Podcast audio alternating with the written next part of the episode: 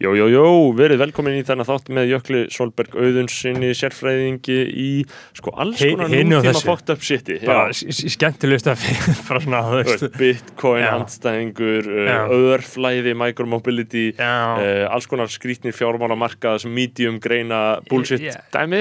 bullshit, king, king shit segi ég, Bullshit, já. En bullshit segi ekki neikværi merkingu, heldur er þetta raunverulega aðteglisverðum aður til að Já. tala við. Hann hefur mikla reynslu úr mjög skrítnum og ólíkum áttum. hinu og þessu radikaliseraðist sem sósialisti núna fyrir held ég einu ein, ein, hálf ára eða ára eða eitthvað svoleið sko, svo er svo geggjuð þróun sko Já, uh, þetta hefði, við getum fullert að geta fært í hinn áttina uh, en við erum meðan hérna sósælsta meginn í lífinu Já, bara endalins meistarskapur. Hann kom inga á uh, mjög dýru, stóru rafmaksjóli. ég held að við ræðum það sko í uppæði þáttar Ok, við þurfum ekki að ræða það. sick Já. hjól og með langar í svona Já. rámaskjóli ég held að Já. er framtíðin uh, við ætlum að byrja á því að víkja að því að uh, við, skoðanabræður við höldum út í þessu hlaðvarpi bara með framlögum eða áskriftakjöldum frá hlustendum þannig að við auglýsum aldrei, við erum ekki þjónar satans, Nei, einmitt. við erum ekki að segja hérna eitthvað þetta, uh, viking, léttöl vitið hvað við gætum auglýst mikið af bjór Já, einmitt. Við gerum það ekki. Við gerum það ekki. Við gerum það ekki. Heldur við á Eh, Patreon. Þess, þessi stað fjármögnum við gegnum Patreon og þú í rauninni uh, kaupir áskrift þar en ert bara að kaupa áskrift á efni. Þú ert ekki að gefa okkur pening. Af þessi þáttur verður alltaf ókipis Mhm. en þú getur fengið hann fyrr þú til dæmis 10 dólar áskrifandi. og þú getur fengið ekstra þátt vikulega við Já. gefum út tvo þætti í viku, einn ókipis, einn ekki ókipis og til þess að fá ekki ókipis þáttin þá þetta bara borga 600 kalla mánu og það færi fjóraðan í þætti, þú veist þetta er styrla og þá færi líka aðganga allir gamla dótinu Já. við erum að gera episka serju um Norðurlöndin með fullt, fullt af viðmælandum Já, það er gummul serið um Drake, það er ferðarþáttum með árinu móla, það er alls konar shit þarna inni og já, ég mæli innilega með að þið tjekkja þessu á patreon.com og það sem við mikilvægast að útskýra í því líka er að þú ert ekki að fá þig nýtt app, þú þarft ekki að fara alltaf á vefsíu til að hlusta.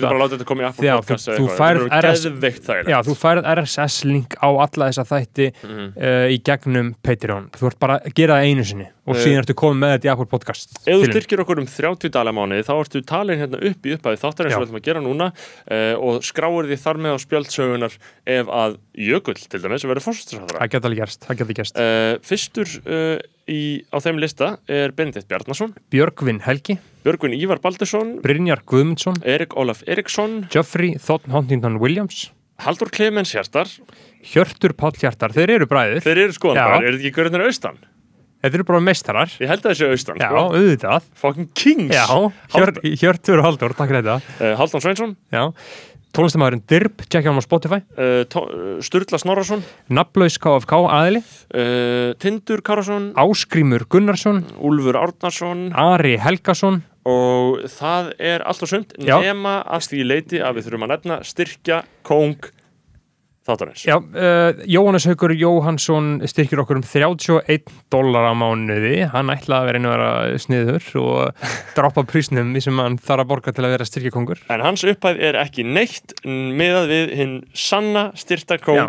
Tandra Snæ Traustason. Já, en, en við þurfum alltaf að nefna, nefna þessi Jóhannes Haugur út af því hann er að borga 30 Þannig að, já, Jóhannes Haugur núna, nú, 31. Já, núna er búin að leysa hann upp Jóhannes Haugur En, Já, en hann er ekki styrkjakongur Hann er ekki styrkjakongur, hann er sannlega ekki styrkjakongur. Svo sannlega ekki. Það Hinn- er hann Tandri Snær Traustason, kongur Íslands, hinn eini sanni, hann styrkir okkur um 100 dólar á mánu. Hann er að þrefalda uppæð og meira en það. Og ef við hugsaum út í það, ef við förum í einhver svona tekju hlutvall eða svona tekjudrei, eða svona, hvað segir maður, svona tekjutengingu styrk, Já. styrktarins, þá Já, ætti náttúrulega. Haugur að vera sko, við, við ættum að hafa þetta tekjutengdan styrk, þannig að þetta veldur alltaf á því hvað te hver tekjurnar eru. það væ, ég, ég væri alveg til að fá skatta. Ég, ég væri líka alveg til að fá bara prósentu af þessu Netflix bónus hjá Vikings hjá Já. Jóhannesi, sko. Þannig Jóhannes, uh, ég ætla alls, alls, alls ekki að segja að valda vombriðum núna. Nei, það, er, það er mér er fjarrri að segja, fjarrri að segja það.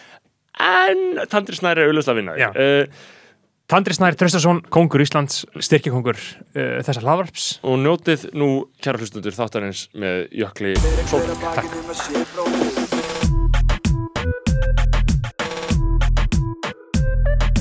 Fyrir hver að bakið um að sé bróður eigi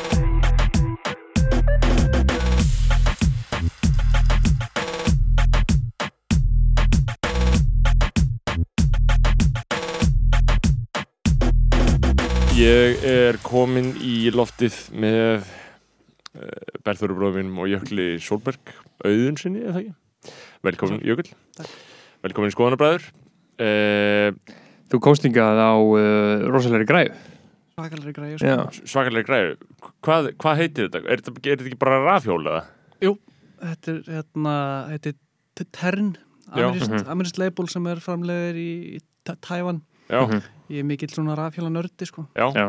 ok og þú veist, hvað er við þetta? Þú, ef þú ert rafhjól á nördi þá lítur þú að vera með almennlegt þú veist, þetta er ekkit Þetta er ekkert eitthvað svona semi-gott hjól, er þetta alvöru gott rafhjól eða, já þetta er hérna Tern er mjög flott sko. Þau eru með mikið fókus á, á svona sem ég kalla fjölskylduhjól eða nýtjahjól eða eitthvað. Þú veist er með stóra k- körfu að framan fyrir innkaup og smá bretta aftan eða skella hérna einhverja af, aftan á og svona. Já, þetta lúka mjög praktíst Já, þetta er náttúrulega praktist og svona smá lúðalegt í lúki sko. Mhm, en mhm. hérna já, og, og mikið að hágæða komponentum í þessu og svona og Hve- Hvernig er þessi, hvernig er þessi rafhjóla bransi? Ég meina, verða þau, uh, er hröð þróun á þessu? Ef þú kaupir eitthvað fyrir 700.000 núna í dag, verður þetta þá, uh, kostar þetta þá 350 eftir 2 ár? Eða þú veist, hvernig, hvernig virka þetta? Já, sko, þessi verðbúndar eru mjög áhugaverðir þú veist, maður er að kaupa hérna, smá bíla á, á, á hérna 2 miljonur eða eitthvað, ég veit það ekki Mm. svo er maður að kaupa, þú veist, þetta hjól kostar 700.000 Mhm. Og hérna, þú veist, það er alltaf smá fárlegt þú veist, að því að bíli er, er alltaf, alltaf önnur græja, sko. Já. Þannig að, já, þetta er 700 skall svona hjól. Já, þannig að þú veist, hjólið er dýrt en þá er spurning, þú veist, okkur eru bílar svona ótrúlega ódýrir, það er bara því að þú veist, svo framleysla er mjög scaled up, sko. Mhm. og það er versmiður eru brjálagslega effektívar og meðan að rafhjólinu hafa, hafa ekki náð því, sko. Einmitt. en ég, þú veist, það er mynd góð spurning, þú veist, hvort, að, hvort að skalin og rafhjólinu muni aukast og þá, þá fyrir verið kannski niður, sko. Það væri náttúrulega mjög eftirsonavert ert, uh, góð þróun, myndi ég halda. Uh, þú veist, ég er, ég er að flytja í miðbæinn og þá skilur, væri ég bókstala til í að eiga svona rafhjól. Ég meina ef ég væri að vinna til dæmis upp í uh, segjum bara laugadal uh, bara í skeifinni, ef ég væri að vinna í skeifinni gæti ég þá ekki vel ferðast á rafhjóli með mjög góðu móti þangað á hverjum degi, annars að það myndi tröfla mig? Sárat í þessu er mjög þægilegur, sko. Þetta er, hérna um, þú lendur aldrei í umferð og eitthvað þannig, sko. Þú veist, og, og hérna, mótorinn er hjálpaður upp brekkur, þannig heldur 25 km hraða. Mm -hmm.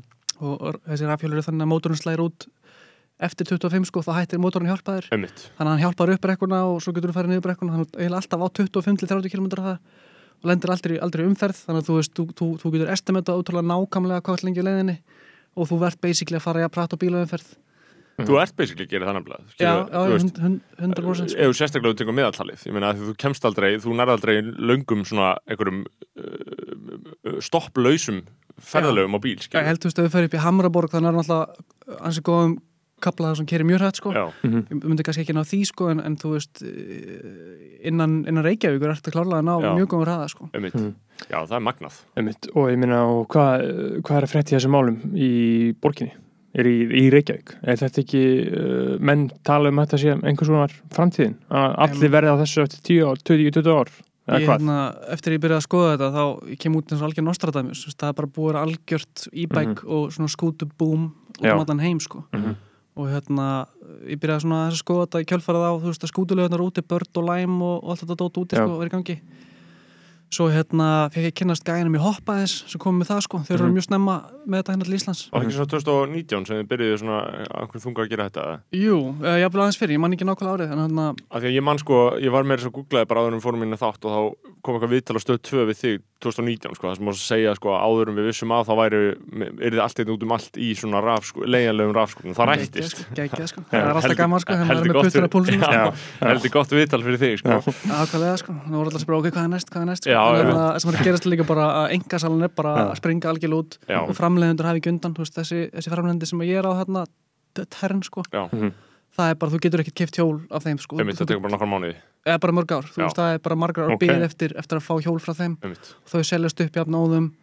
Og þessi framleiðendur eru svona eh, rægir við að, við að bæta framleiðslu getuna sína sko, að þeir viti ekki alveg hvort sé eitthvað svona skamtíma búm út á COVID eða hvort þetta sé aukin áhugi. Og ég er á því að þetta sé aukin áhugi og ekki endilega bara COVID sko þannig að er ógslag pyrranda að sjá framleiðendur er ekki þú veist að segja bara hefur opnum versmiður í hérna Rúmeníu og Indlandi og, og bara aukum framleiðslugetuna að þú veist ég held að þetta sé komið til með að vera. Fólk muni kjósa þetta og svona. Vantar smá kjarki inn í uh, þessa framleiður já en það kemur endanum sko. Já, hlýtur að koma endanum og, og þá náttúrulega bara eitthvað svona eitthvað stórt fjármagn kemur inn í þetta, það er einhver meiri kjarkur þar. En ég held samt að svona á mikroleveli þá held ég að, að, að þetta hljóta að vera framtíðin. Sérstaklega sko ef við erum þú veist að sko stefna Reykjavíkur er að þétta og þétta og þétta. Þetta bara, það er, það er þróunin, það er byggðið er að þéttast ógeðslega mikið og þetta hlýtur að bara haldast mjög vel í hendur við það, þú veist þessi þróun eða ekki? Já, ég, hérna, þetta er Jared Walker held ég minna með heiti, hann er svona tra transit uh, sérfræðingur, hann er búin að vera aðstofa borgarlínu hópin við, við að búið til skýrslur og svona, til að greina það allt saman sko. Ég hlusta á podcast viðtal við hann og þá var hann að tala um að, að hérna, hann kalla þetta svona human sized vehicles Mm. það er svolítið skemmtilegt, þú veist, þú, þú horfir bara niður á borgina, sko, þú veist að, að einhver að labba, einhver að hjóla, hann tekur jafn mikið pláss. Svo kemur einhver á bíl og hann tekur miklu me- meira pláss, sko, og þá er bara spurningin, þú veist, hvernig ætlum við að, að skipilegja borgina og hvernig ætlum við að nýta plássið?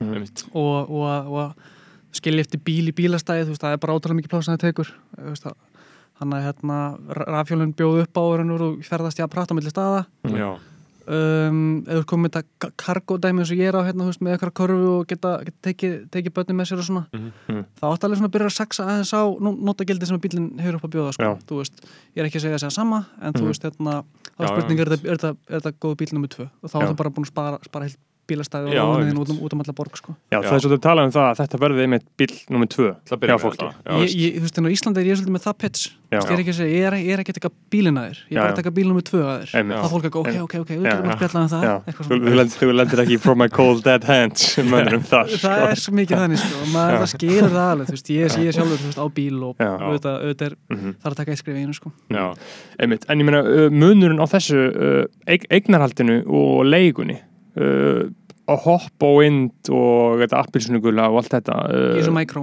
Já, í, í þessu mikró Ég meina, hvo- hvort er framtíðin? Munur allir eiga svona eða uh, munur þetta vera bara svona út á götu og þú bara pikkar þetta upp?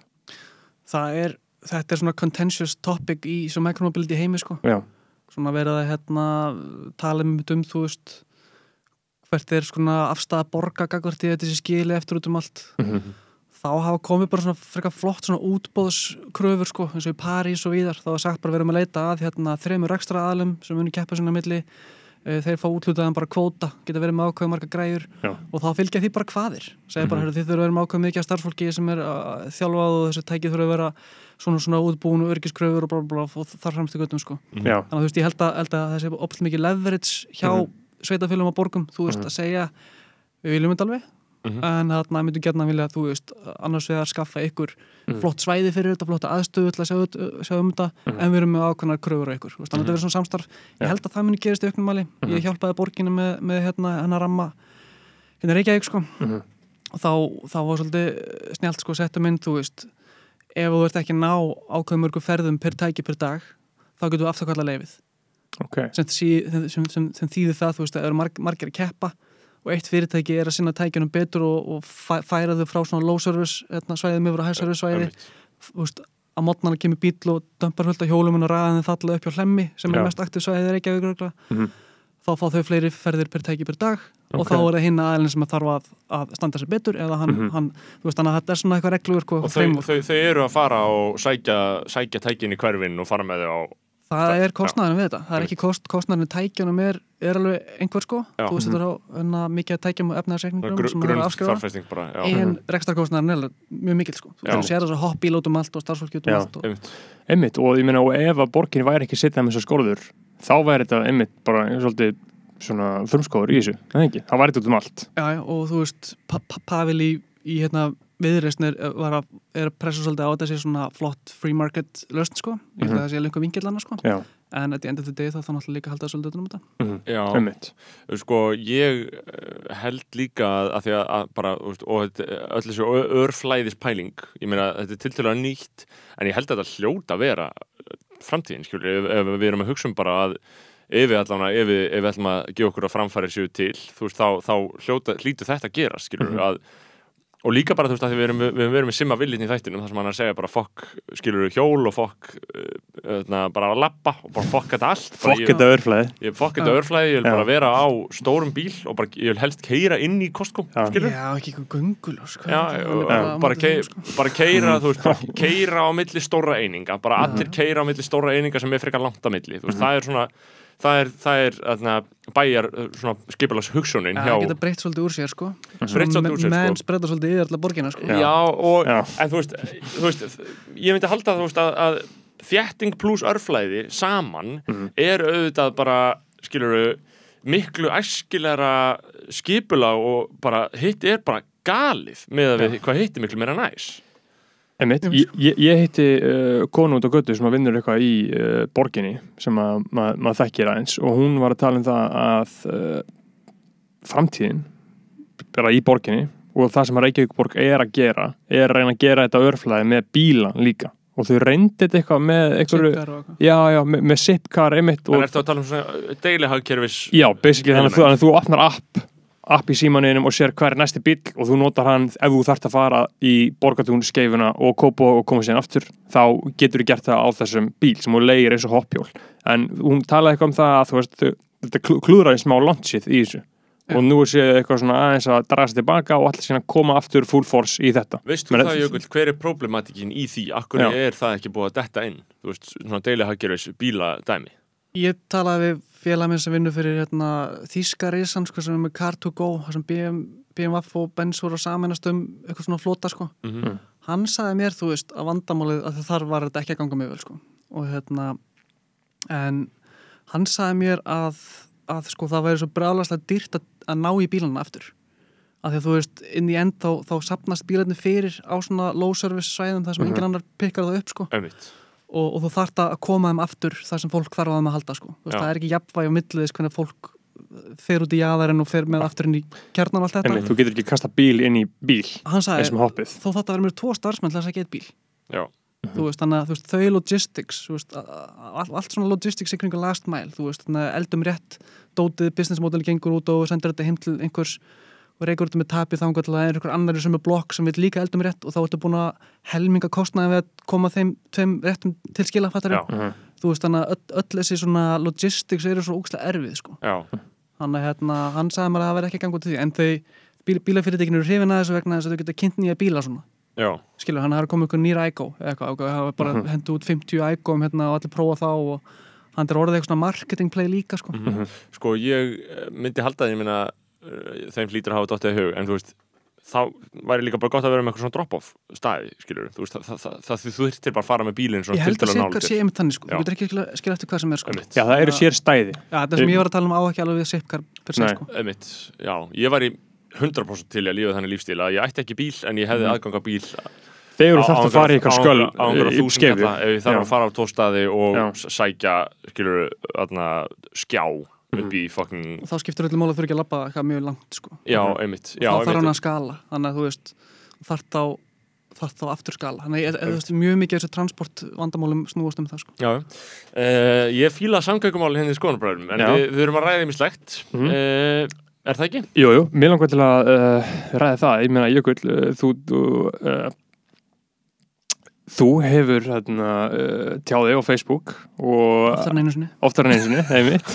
Verið svona uh, hér og þar og Skrifað ófáan pistilinn. Já, já, ég er með bara reglu einn á dag sko. Sko. status. Uh, en sko skemmt, Hvað er það vel að merkja? Þú ertu bara, ert bara að tala um að bara byrja að skrifa eitthvað, eitthvað status eða bara eitthvað, eitthvað vesen bara, ég fæm bara kaffi og svo bara, drr, bara hendi út bara hvað það bara gerist Já, þetta er bara svona fljót og ef þú ert að, ef þú ert að henda ykkur hnullungum í ána þá bara sökva þér og það ert bara að henda svona spreki sem flýtur og fólk Já. fíla það sko. Einmitt. Og, og, þetta er bara gaman, ég er bara mjög skeið gaman að, þú veist, fá okkur like og eitthvað. Einmitt, já, bæ, bæði á íslensku og ennsku, skilur Já, ég er með Twitter og ennsku og eitthvað svona.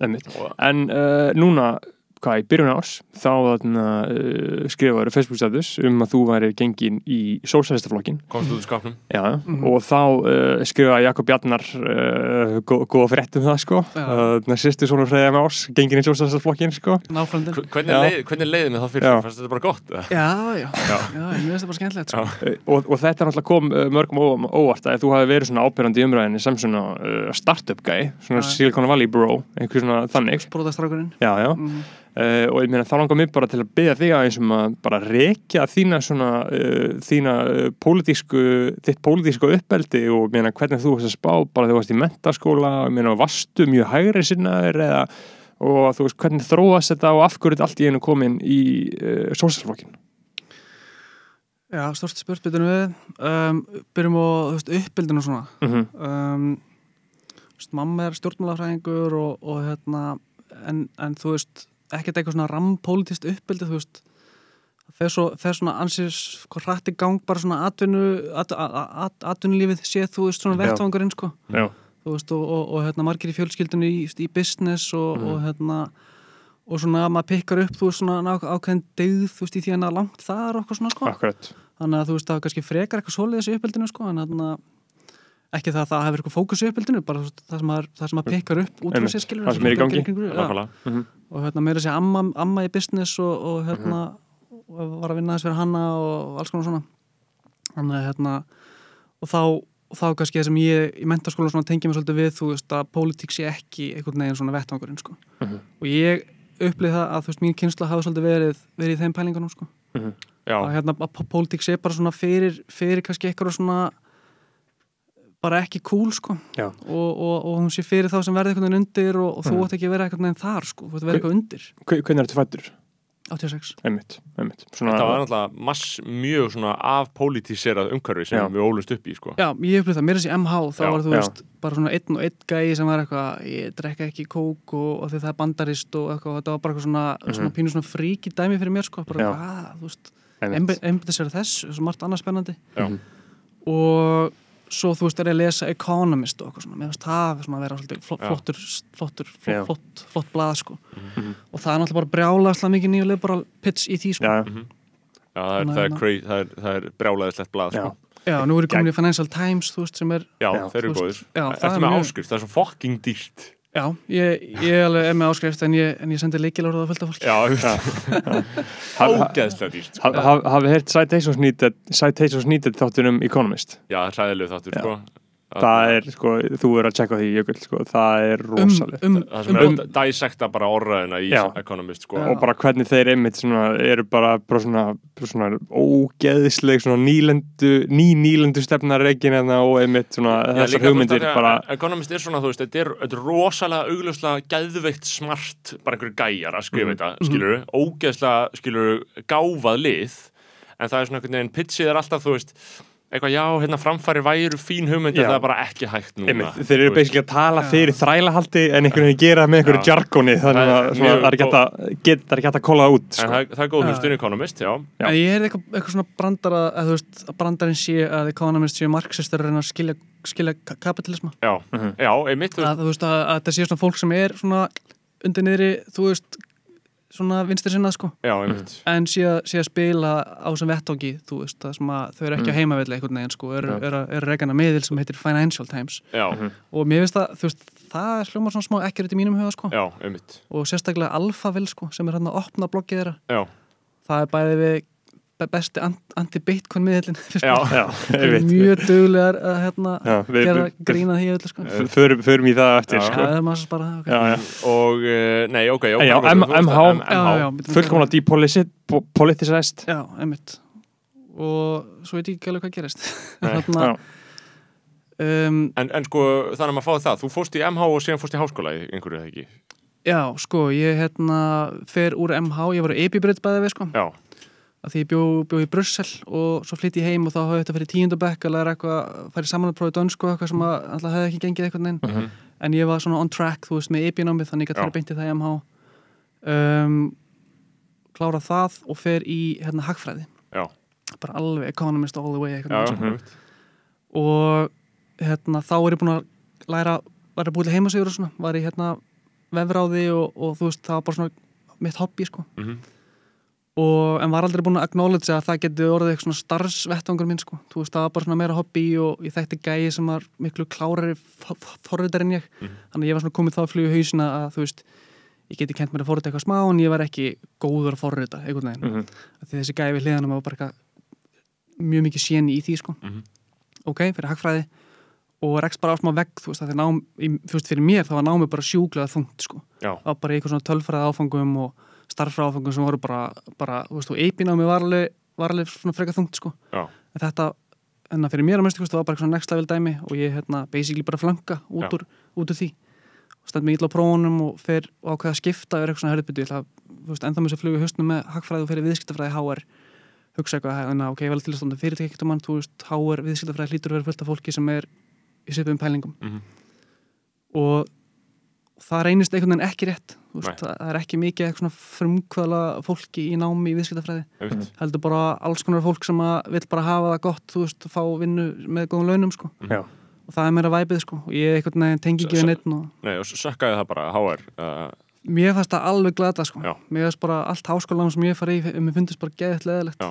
og erfitt og bara líði bara illa í því, sko. Já, það er mjög aðtilsvægt sko. Og, og ég er bara eitthvað meira eitthvað er fyrir próf og kemur eitthvað spurning og, og ég ákvað bara að skrifa um eitthvað sem ég var skemmtilegt. Og gauðurinn bara fæði mig á fund og er bara eitthvað jökullina, ég, ég þarf að fella það á þessu prófi. En þetta er mjög, mjög gaman svo að skrifa þetta Já, um. Amazon og eitthvað svona dót. Mhm. þannig að ég er bara eitthvað svona, "Æ, ég veit ekki. Já, það rekst ítla í, í þessu formulega, formulega menta, menta kerfi og þá er hérna, ma mamma mín held ég hafi pikkað hann upp að þú veist að ég, að ég sé að fara að falla aftur eða eitthvað sko. Mhm. og hérna, ég held að hún hafi ringt í hérna, þá ringir hérna Reyðar. Náfrendin Já. Nei, Er það Já. og hérna sem er þá bara CEO of Kaupþing og bara allt í gangi hérna, Búmin. já, og, 2006 eru að tala með hann bara já, einmitt, eitthvað slúðis Mm. kalla mig á okkur svona, svona fund sko, svona one on one sko, ég bara, wow, Oh, bara shit. svona mega hvað er, hvað er að gerast, sko, eitthvað smá svona showdown sko. Mhm. þá, hann fór í viðskiptafræði fór í verslu og allt þetta dæmi sko. og þá var hann að segja, hei, ég vil þú er að halda í námi og hérna, þú veist þú er halda áfram og, og hérna klára þetta sko. eitthvað svona sko, ég held að mamma hefði ringt í hann og beðið hann um að, það getur ekki talað við Jökul, hann, er, hann er ekki að standa sig. Eitthvað Mhm. svona.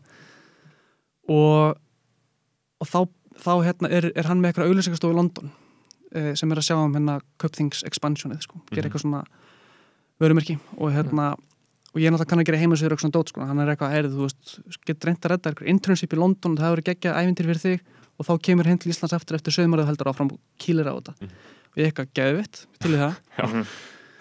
og fæ hérna eitthvað svona one way fyrir bara með hérna svona flug með til London og, og hérna á að fá fund með þessar auðlýskastofu og þá fæ ég símtal frá þeim. Þessar herði við, hérna, þetta er ekki að ganga, við getum ekki ráðið og ég er komin til London. Mhm. og hérna uh, en, og þá segir eitthvað, en við þekkjum hérna aðra auðlýskastofu sem er meiri fókus á svona digital dot, þú veist farað hittu þá, kannski eru þeim með eitthvað fyrir því Mhm. sem ég geri og hérna og sýnið bara alls konar eitthvað svona portfóljó af eitthvað P.O.P. MySQL eitthvað forðunum á dót sem ég hef búin að pikka upp og eitthvað. Ekkert eitthvað mikið en samt að nóg til að þeir voru eitthvað, já, þú veist, þetta er skemmtilega gæi, á hann og ég flæki svolítið bara inn í þann vinnustæð, þetta er pók Mhm. og, og hérna og, og er bara greiðlega vel metin þú veist svona dig- digital auðlýsingastof í dag sko. Já. og þetta var svona gullaldar árin þeirra meira að segja þegar ég var þarna sko. Og fæ internship og smá svona eins og þau svo þegar kemur að því að, að fara til Íslands í námi þá er ég bara eitthvað no way Jose og Mhm. spjalla bara við, við fólki hérna með auðlýskastofun spyr, er, er, er eitthvað síðan svo að fá fulla vinnu hérna og þau bara eitthvað já við líður illa að setja hætti nám út af því en já já ok whatever Mhm. og, hérna, og þannig það verður svona mitt nám sko En það er svolítið, svolítið bara áhugavert að vera bara einhverju auglíkstof í London Er þetta í London eða ekki? mm. -hmm.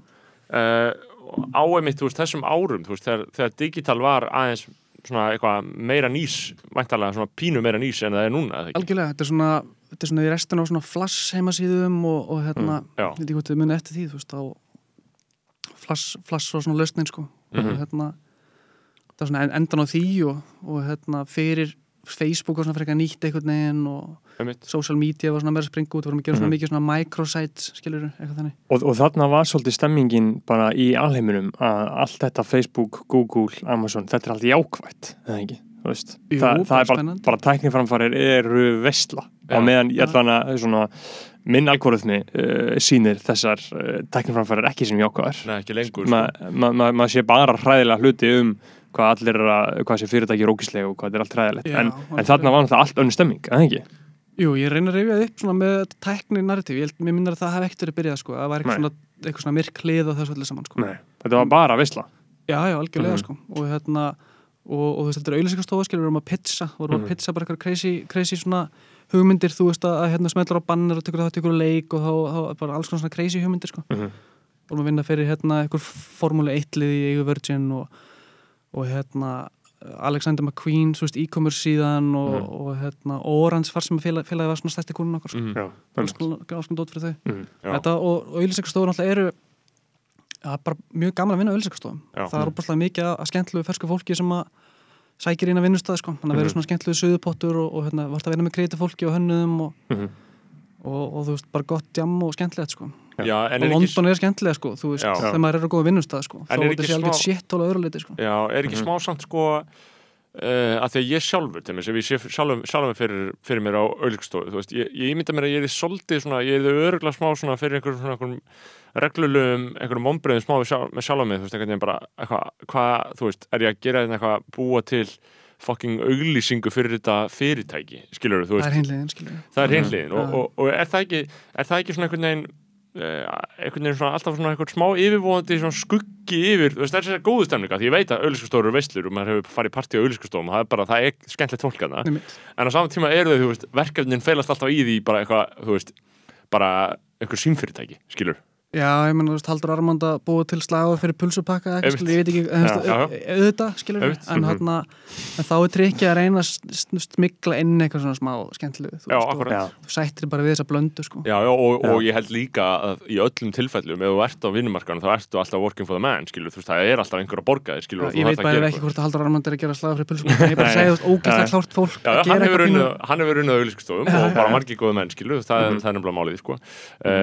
Nei. að eitthvað nei, ég vil segja það, þú veist, ég held að hvar sem er þú, sem þú, þú ert á vinnumarkaði, þá held ég að þú hljótir alltaf að vera að vinna fyrir einhvern, skilur. Algjörlega, það er alveg rándýrt að vera með ómikla hugsjón, sko. Já. Þá Já. bara getur ekki unnið við neitt veginn, sko. Nei, það er pínuð þannig væp, sko. Og það er held ég líka bara leiðilega, enn hitt, sko, maður á bara svona sætt, vera með ákveðin sársökamörk, sko, í, í því sem þú ert að gera, skilur, og, og gera það. Uh, ok, þannig að þú ert að auðlýskastofu í London og London, já, shithól að mínum mati, en hugsanlega kannski ef maður er með einhver tengsl við alvöru fólk að þá bara sæmilegt, skilur. Nákvæmlega, snýst allt um það sko Já. vera, uh, sko, vinnustæðin var svona manns network og heimili og svona Já. sko, þú veist, Einmitt. en leigan og íbúðar, íbúðunar og bara úf, Einmitt. og borg og Já. úkesslega erfitt væparna sko já. Já, já, svolítið, svolítið þrungin stemming, sko. Já, og ójöfnurinn er svo mikið in your face hérna einhvern veginn sko, Mm. Um, og síðan uh, heldur það áfram og stopnar síðan fyrirtæki, eða ekki?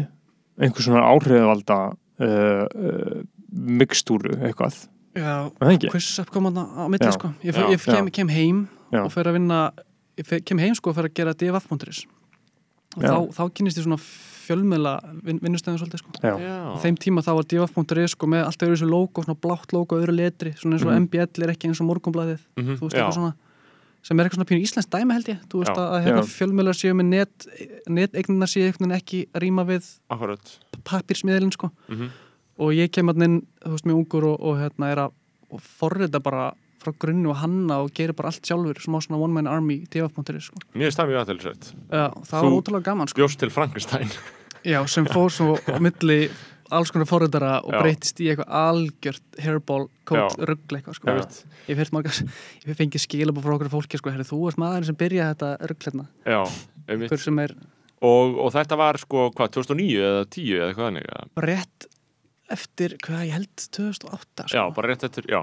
ég er Og, umulum með ártölbæði sko. ég veit ekkert hvernig þessi Nei. ártölur uh, en bara aðtilsvert en sko þeim megin við hrun held ég að þetta er líka þegar netmiðlar eru að verða svona klikkbeitt martröð og svona að þessari svona að þessum stóra, stóra hluta líf okkar sem þeir eru núna, skilur já, já, með mitt uh, þeir voru það ekkert væntir ég fyrir, skilur, en sem bara eru þeir það núna og svo koma menn eins og eins og Kristján Kormákur uh, hann er blaðmaður, hann gerði DFF að svona klikkbeitt sturluninni sem þetta varð síðan á einhverjum já. tíumbúti sko. Mm. Uh, það eru bara ákveðna aðferðir sem eru beitt sko, til þess að fá þessi klikk sko. veist, það er bara Daily Mail stefna að Já. það var basically bara í svona harvesting mót sko. Já, fá og þú- umferð og fá, fá en, umferð engin önnur hugsun er önnur sko. engin önnur hugsun og þú veist og bara aðrir miðlar eru bara það sem þú notar og þú tekur bara minningagrein og tekur bara kvót úr minningagrein og bara setur það inn í eitthvað og bara hann trúði ekki því sem Já. hann sá næst og bara, þú veist, og þá færðu líka bara 70.000 klikk, skilur Mhm.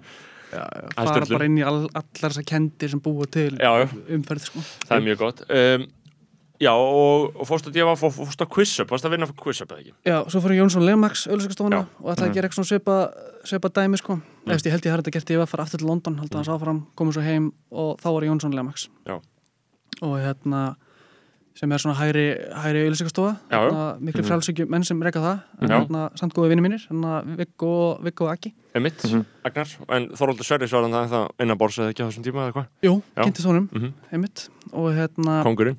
á Mhm. ákvæðlega uh, annar svona Facebook gæi eins og ég, Já, alls konar. Hann er djúlega að skrifa. Hann er tölur já.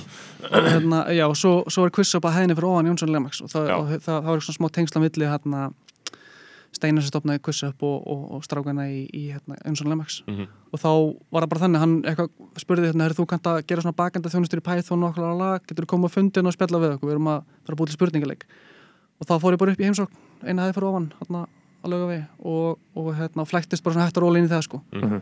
og það var alltaf rosalega sko Er það Þetta ekki? quiz up dæmi, jú Já, Og oft, oft talaði mér neikvæða ljósi þú veist, eitthvað en þú veist, þetta var ókslega skemmtilegt sko. Mm. Og þa- þarna var Quizzup bara svona rosalega, þetta var svona fyrsti svona íslenski cool startup vinnustæðin, eða ekki? Jú, fórum all in í svona starfsmannastefnu sem var bara Já. svona, þú veist, ungt fólk kemur Bara- hérna Bara þú veist, ping-pong og kombucha og eitthvað. Já, Já. nákvæmlega sko. Já.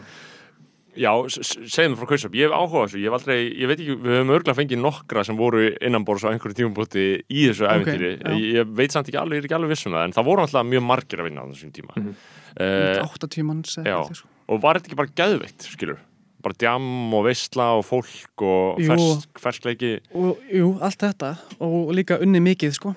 þú veist, það var ég, ég, ég sko fyndi mér svona stjættvitund og svona, þú veist, ég hugsaði ekki eina sekundu að ég væri eitthvað svona að gefa frá mér yfirvinnu tíma einmitt. þú veist, það var bara eitthvað svona didn't enter sko. ég var bara eitthvað, erðu, hérna er bara þetta bara, þú veist, fengum miljón notendur á fyrstu vikun og við vorum bara öll eitthvað svona virkilega in it together að láta ganga upp skilur. Já. Þa, það er alveg svona smá uník þú nærð þeim þeirri stemmingu skilur allir séu down for the cause. Já, þú veist, og, Mhm. og hérna og maður er náttúrulega að setja brjála working hours í þetta og allt það skilur en þú veist, það er, það er eitthvað svona pínu væp sem fyrir gang þegar fólk bara gleymir því og, og er eitthvað nefn bara svona Já, en hérna, Já, og svo er náttúrulega líka ákveðin aðferð í eh, þessum startup fræðum, þú þú þarft eiginlega að ná þessari stemningu upp til þess að geta kert eitthvað stað. Uh, og þá er líka trikkið að vera með svona, einmitt, kombucha og trampolín, skilur og þá, þá, þá heldur fólk að sé á góð stað, Já. skilur, af því að, að það er svo mikið mat í vinnunni og kemur áfengi, skilur hundiðinn Já. og kemur partnerinn bara, Já, það með já. allir vera hérna Við og veitum, við allir verið býr bara til flotta stofu og eldús og, og hérna býr bara til svona lítið hús. Já, Og, og enni eftir, þarna var líka stemming í samfélaginu þar sem að þetta var bara epíst Já. skilur nú, allan á núna, fyrir mér er þetta búið að breytast rosalega mikið, núna hugsa ég bara, ok, wow, einhver startup gæðin sem bara eins og bara WeWork gæðin, skilur, bara eitthvað gerir rosalega stemmingu og eitthvað en er uh, í rauninu bara að arðræna starfsmennina sína. Já, svona fólk er meira bremsin núna sko, klárlega sko, en hérna það var líka bara svo, ég var mikið í ráningunum sko. Ég var mikið Já. svona, þú veist að hérna, og, og við byggum til svo brjála, brjála svona, eins og þú segir sko, momentum í ráningum Mhm. þannig að þú veist, allt flottasta fólki sem útskriðast úr einhverjum töl, tölunafræða afgangi í HR, Já, þetta var bara geggja pitch, skilur, hei, Mhm. vilt ekki fara að vinna fyrir okkur, Já. fólk bara kom og, og hérna, þannig að það var til svona smá söðupóttur að, bara mjög kláru og skemmtilegu Mhm. fólki og, og þú veist einmitt, það er ýmislegt í þessu, þarna verður náttúrulega til þarna er náttúrulega til þú veist, við fengum homo sapiens og segjum fæði maður skandinavíska forritaran þetta er ákveðin þróun á mannkyninu, skilur, það, það er rosalega generic uh, fígúra, það er veist, það er, hann er með svona eina 1,3 miljónur á mánuði uh, allt of, allt of mikið ráðstofunartekjum, þú veist. Ja, er singul, þú veist, á ekkert enda kærustu. Mhm. uh, helst líklega illa í, á samböndum með konum. Já, já. Og, og út af því að hann er skandinaviskur þá fer hann ekki alveg í Patrick Bateman Nei. skilur, hann er aðeins meira næs gæði sko. veist, hann svona, þú Fer- veist. fer til Berlínar, kemst samt ekki inn á Berghain skilur já, karlfeministi. Já, en það er, það er einhverju luralegri svona svona og, American Apparel þarna. og samt alveg líklega bara í góðu formi og, og eitthvað svona sko, Já, en, hvað er málið með það? Allt Þetta, þetta svona human growth hormone Já, Jeff Bezos dæmi en þetta er allt í kjálkafræðin, sko. Já. rugli sko. já, uh, það er, það er Eitthvað skandinavísku fórhættir, ég elskar hún svona startup mulningur einhver já, þetta er svakalegt og það- þetta er að verða meira og meira Mhm. Þú veist, og eftir því sem þú veist, í, í, það er verið að fjöldaframlega þetta dæmi þannig í HI og HR skilur, ég veit ekki hvor, hvor tölunafræðin er betri ég bara þekki það ekki en uh, er það ekki bara ólíkar, ég held að Jú, ég, þú veist maður er komin að halva nýsa að vera að gera upp á milli þessar skóla sko. þú veist, þetta er svo bráðast emotional þegar fólk er búið að eiga þreim árum í eitthvað og maður er að segja eitthvað, já, hitt var betra. Já, síður eitthvað, það, það er leðilegt. Þannig að maður sleppir þið bara. Já, en ef ég, ef, ef ég ætti ekki að sleppa, ég myndi að segja að HR er miklu betri já, sko. mitt, Já. um, en í sko þessu, skilur, þú veist,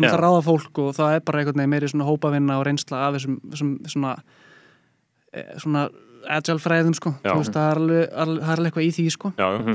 uh, QuizUp hrinur, eða hrinur, ég meina það, það einhvern veginn dalar, ég fokkast einhvern veginn upp. Ég veit ekki alveg nákvæmlega söguna bak við það. Já, já, bara nokkrum dögum, bara búm, allt. Já, er það ekki? Jú, jú. Þú veist bara einhvern veginn næ, næ, tókst ekki að fjármagna eitthvað áfram að ég veit ekki hvernig það virkaði. Já, þú veist, þú byggja bara upp er alveg mikið burn rate að Já. þú veist mikið af starfsfólki. Hverju mánuði bara, þú veist, þú reysar óslega mikið ka- kapital, þú veist, og svo bara ræður þú fólk og, og, þú er skuldbendingarna einar og svo, svo allt í einu áttu bara þrjá mánuði eftir og, og, hérna, og þú ert að tala um fjárfesta og þeir eru bara, þú veist við okkur líst gett vel á þetta og þið líður óslega mikið þess að fara að ná að loka næsta rándi Mhm. og svo allt í einu er ekki að loka því Já, þá, þá er það bara, þá, þá er þetta komið sér bara rönnrið, nei hérna börnrið, sko. já, Já. kostar svo ógeðslega mikið að halda þessu úti Já, Veist. starfsmanni kostnar er alltaf bara, þú veist, fyrir fárautara, þú veist, það sem launastruktúrin er svona hár og allt þetta, sko, þá, Já, þá bara gerist hlutinni mjög hrætt, sko. já, það er náttúrulega líka svolítið aðteklisvert mótel bara almennt að þetta snúist um lótur, þetta snúist um fjármögnun og lótu, þú veist, þú kemur ykkur aðeins af stað Mhm. og síðan færðu góða fjármögnun, þá getur þú borgað laun ekst lengi og svo bara, ef þú nærði ekki að fara við næstu lötu, þá er þetta búið, er, ekki bara, er þetta ekki grunn Jú, jú, það er hugsun að því að sko fjárfestar hugsa þannig þeir ætla, hérna, þeir vilja ekki fá, sko, marga sigurvera. Þeir Nei. vilja fjárfesta í, þú veist, hérna, reysa sjóð til þess að fjárfesta í fyrirtækjum og ég held að gæri var að nása til með svona nýr 8 miljardar krónar sjóður á Íslandi, sko. Mhm. og þau vilja fá, byggja upp portfóljó af fyrirtæki sem þau stiðja mjög vel við en þau vilja koma staðið sem allra fyrst hvort það sé ekki að fara að ganga til að geta, fa- til að geta stutt við þá sem að uh, er að komast að næsta, næsta steg sko. Mhm. þannig að þetta er svona þú veist, þetta er svona uh, þú vilt bara fá svona sleggjur skilur sem fara alla leið og returnið á þeim réttlættir alla hérna áhættuna skilur, þú ert að leita að einhverju Facebooki Já, draumurinn er að fá einhvers konar monopóli það er en, en, enda markmið Já, þú veist, þú, þú tala alltaf við öll fyrirtekin í portfólíunni eins og þú veist, mm. fara stíð 100% við þau en um leiðu þau byrjar að grunna þess ekki að ganga þá viltu bara kötta á þetta og fókus á hinna Já. og allt þetta, sko. Þú veist, þannig að þetta er pínu svona cutthroat, hvað það var það, sko. Já. En ég meina, en hvern- hvernig virkar þetta uh, bara með, þannig að þetta er allt bara rekið á peningum frá fjárfestum. Enginn af þessum fyrirtækjum eru að græða pening. Hvenær byrja, peningin að græða pening? Eins og maður hugsa bara eitthvað um, við lasum einhvers vegar að Uber tapar 5 dólarum á hverju einustu bílferð sem er einhvern veginn tanka. Og það er- Hlýttu það ekki að vera einhver mýta sem þeir komið fyrir plöntu, eða, þú veist, ég veit það Nei, ekki nei, það er bara þannig. Já. Það er bara, þetta, hérna, sko, cashflow hjá svona fyrirtækjum er ekki endilega healthy, sko, en þau, það er eitthvað narrativ í gangi að, að þau séu að disrupta markaðin og mun á Mhm. endanum eigi eitthvað skonar einókun á okkur markaði Já, mhm. og einókun, uh, þú veist, þú reknar hann fram í tíma þá er hann mjög mikilsverði Mhm. og þá bara, já, já, bara brendur bara fullt af peningu til að eignast það Mhm. Skilur, Já. þannig að allt snýst um það að komast í einókunar stöðu Já, Já, það er að- bara aðal markmið. já, já, og, Og það, þú veist, og, og hann að Peter Thiel skrifa bókina. Zero to One Einmitt. hann er rosalega svona frjálsíki gæi sko. hann er alveg að fjármagna bara eitthvað svona eigur sem er eitthvað tilrunir í að vera bara frjálsríki og Já. kæftæði en hann neldi þennan punkt Já, hann bara, hann bara útskýrði bara mindsetið og þetta Einmitt. er mindsetið sko. Einmitt, og Peter Thiel hann skrifaði þessa bók og heldur einhverja kursa um hana og þú veist, og er rosalega influ, in, influential í öllum þessum heimi og núna er hann alltaf að gera gjössanlega geðbila hluti, þú veist, með Palantir og hann, hann er bara svolítið að setja upp uh, eins og ég skildi það sem hann er að gera hann er bara að setja upp bara uh, 100% eftirlitskerfi uh, fyrir alla í alheiminu þannig að allir geta séð allt. Og þú veist, þetta Palantir fyrirtækja hans er bara að vinna mjög náum með CIA og FBI og allt þetta. Þannig að þú veist, hann er að nota í rauninni þá hugssjón um að ná monopólíunu uh, að, ná, að sigra með startupinu til þess að ríkið geti hort á alla, alltaf saman, saman hvað eru. Það er þetta fyrirtækjana sem hann er og svo var hann í stjórn Já. Facebook og eitthvað. Samkvæmt skoðanabræðum það er Pítur Tíl gagginniður, við segjum ekkert annað um hann. Nei, af því að hann alltaf tók niður gokkar, var það ekki málið? Jú. eða? Jú. Með Hulk Hogan málið hérna Já, Já. það Hann Já. tók niður gokkar að því köllan homma, jú, jú, Jú, og þeir átuð hann sko. Já, já, hann, hann var í skápnum og, og, og, Mhm. og, þú veist, það náttúrulega var alveg svínslegt sko. Já, ég veit, En- þeir en- voru en- ekki mjög mildir. Nei. En svo, svo kann hann að lemja frá sér líka sko. Um, En, sko, en, voru en, ekki, jú, ekki tala um við- vorum að tala um startupin. og fjármögnun og, og, og quiz up. Og þú veist, það sem ég hugsa mitt, þú veist, þetta er svona, þetta er lótabundið og e, rosalega, þú veist, allt öðruvísi rekstur en bara rekstur, þú veist bara Subway á Íslandi, skilur, þetta er bara allt Nákvæmlega. önnur pæling Nákvæmlega. e, það sem að Subway snýst um cashflow þú veist, bara grunnurinn er að Já. fá strax cashflow, skilur positive cashflow bara is a happy business Já. en Mhm. í startups þá eru bara önnur lögmál Já, það er bara önnur lögmál og, og það sem ég hugsa oft einmitt um þanga til að þú ert ekki lengur inn í lúpunni Nei, Já. akkurat, en þú veist það sem ég hugsa um til mér með eh, bara Steina, sem, uh, Þorstein, heitir hann ekki Þorstein, sem Jú. var með þetta Mhm. eh, og, bara svona fyrir skemmstu var hann bara satt frá því að, að eitthvað annað hafi verið að tanka þetta með tea time og eitthvað svona og, og, þú veist, og það er bara name of the game, virðist vera, að, að þetta gerist bara Já, og fjárfæstinni vilja að þú farir svona hratt í þetta Já. og reynir að validera hugmyndina sér fyrst Já, til þess að þau þurfi ekki að vera halda þér gangandi og svo eventually þá búið að setja of mikið kapital í þetta skilur. Mhm. þú veist, að það mindset er að þegar hann- komast að getur þetta orðið einogun eða ekki? Já Einmitt, og, og þeir voru með eitthvað leik og, og svona, hann virtist, virtist ganga mjög vel samkvæmt fréttum og þú veist, auðvitað kaupi fólk segir örgulega upp þessa lista ímyndaði mér en, en þú veist bara hvernig sem það er skilur Mhm. en svo bara gengur það ekki og, og þá er það bara og, þú veist, og þá, bara, þá er ég að hugsa bara með hann skilur, þá bara ég, ég hugsa bara hann sem persónu. Ég tekið einhver viðtöl við hann bara eitthvað rétt um, um eitthvað svona mjög yfirbólskent skilur Mhm. en hugsa bara, þú veist, fokk maður hlýtur hann ekki að vera bara brjálaður að þetta gangi ekki. En síðan hugsaði, þú veist, er þetta ekki bara þú veist, business as usual fyrir manni svo honum, bara að búa til nýjan leik skilur, eða hvað, þú veist það er bara pælingin Ég Já, ég meina bara svo leikstjórar eða eitthvað. Þeir eru bara hérna að gera þessa bíómynd og, og, og þú veist, ég ætla bara hérna að gera Ghostbusters 2 eða, eða þú veist eitthvað og hérna hún gekk og gekk ekki og Mhm. sem er leikstjórar er bara hræðileg rönn og sem er leikstjórar er geggjur rönn og svo bara, þetta er bara alls konar Já. skilur hann að þú veist, vísi heimurinn á, á margt skilt með, þú veist, þessum kreatív heim hvað það var það skilur Já. það er eitthvað að veðja á eitthvað, eitthvað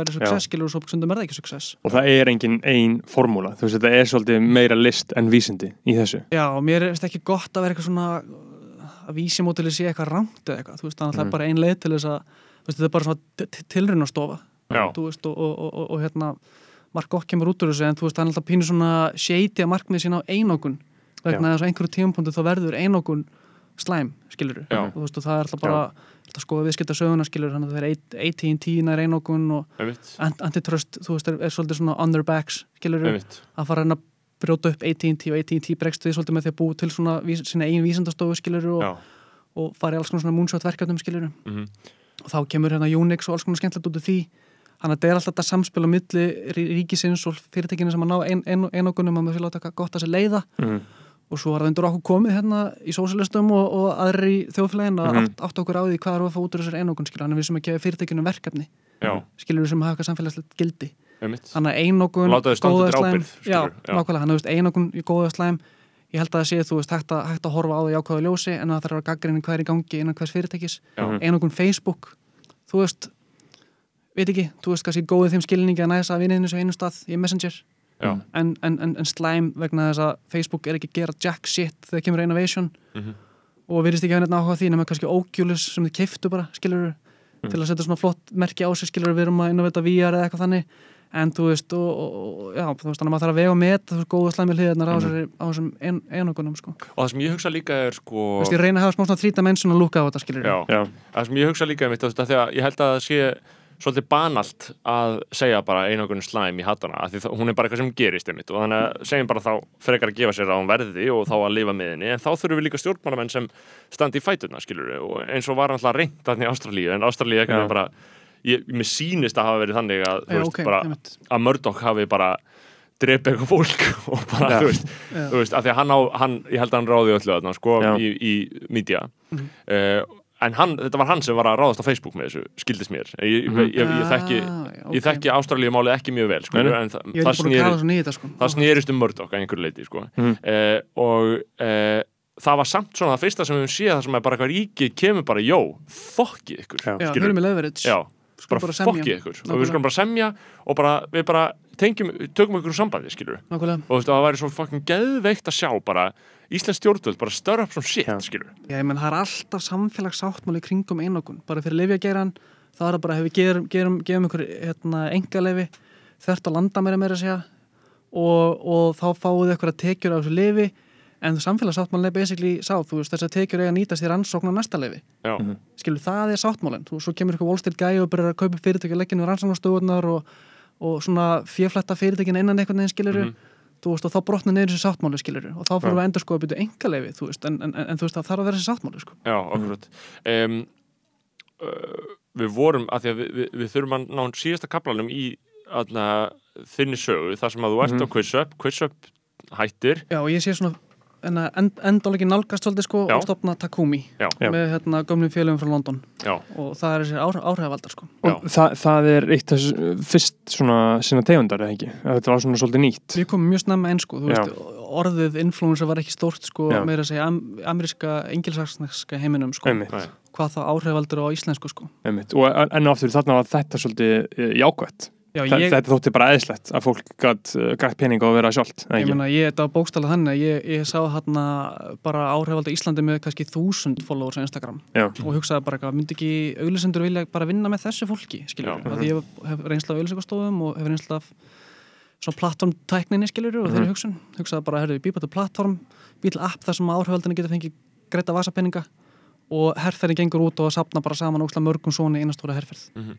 Og það kemur óksla mikið af kreatív, þú veist, inputi til markastjórana að sjá hvernig áhrifaldar er að promóta eitthvað og gefum þeim lausan teimin og það sem kemur í ljósaldið, þú veist, þegar við byrjum að, að, að hérna, reyna að selja fyrirtækjum þetta er þetta konstantum brand control og þarf þetta að hafa svolítið góð stjórn af vörumörkinu þínu. Það er eiginlega engin tolerance fyrir áhættu Nei. í, í hérna marketing heiminum þetta er svona eitthvað sem mér yfirsást því stopnaði fyrirtæki skilur Mhm. Mhm. Þannig að við fórum í það að reyna aðalega vörun okkar að, að þessari kröfu kunnans að vera með svolítið, svolítið góða stjórn á þessu Mhm. sem þýðir það gagvart áhrifaldanum að hann er að fá svona ansi nákvæma leiðbendingar um hvað er verið að byggja um sko. Já. þá svona, þú veist, fekk kannski smá magic í úr þessu sem ég var að pæla í upphafi Mhm.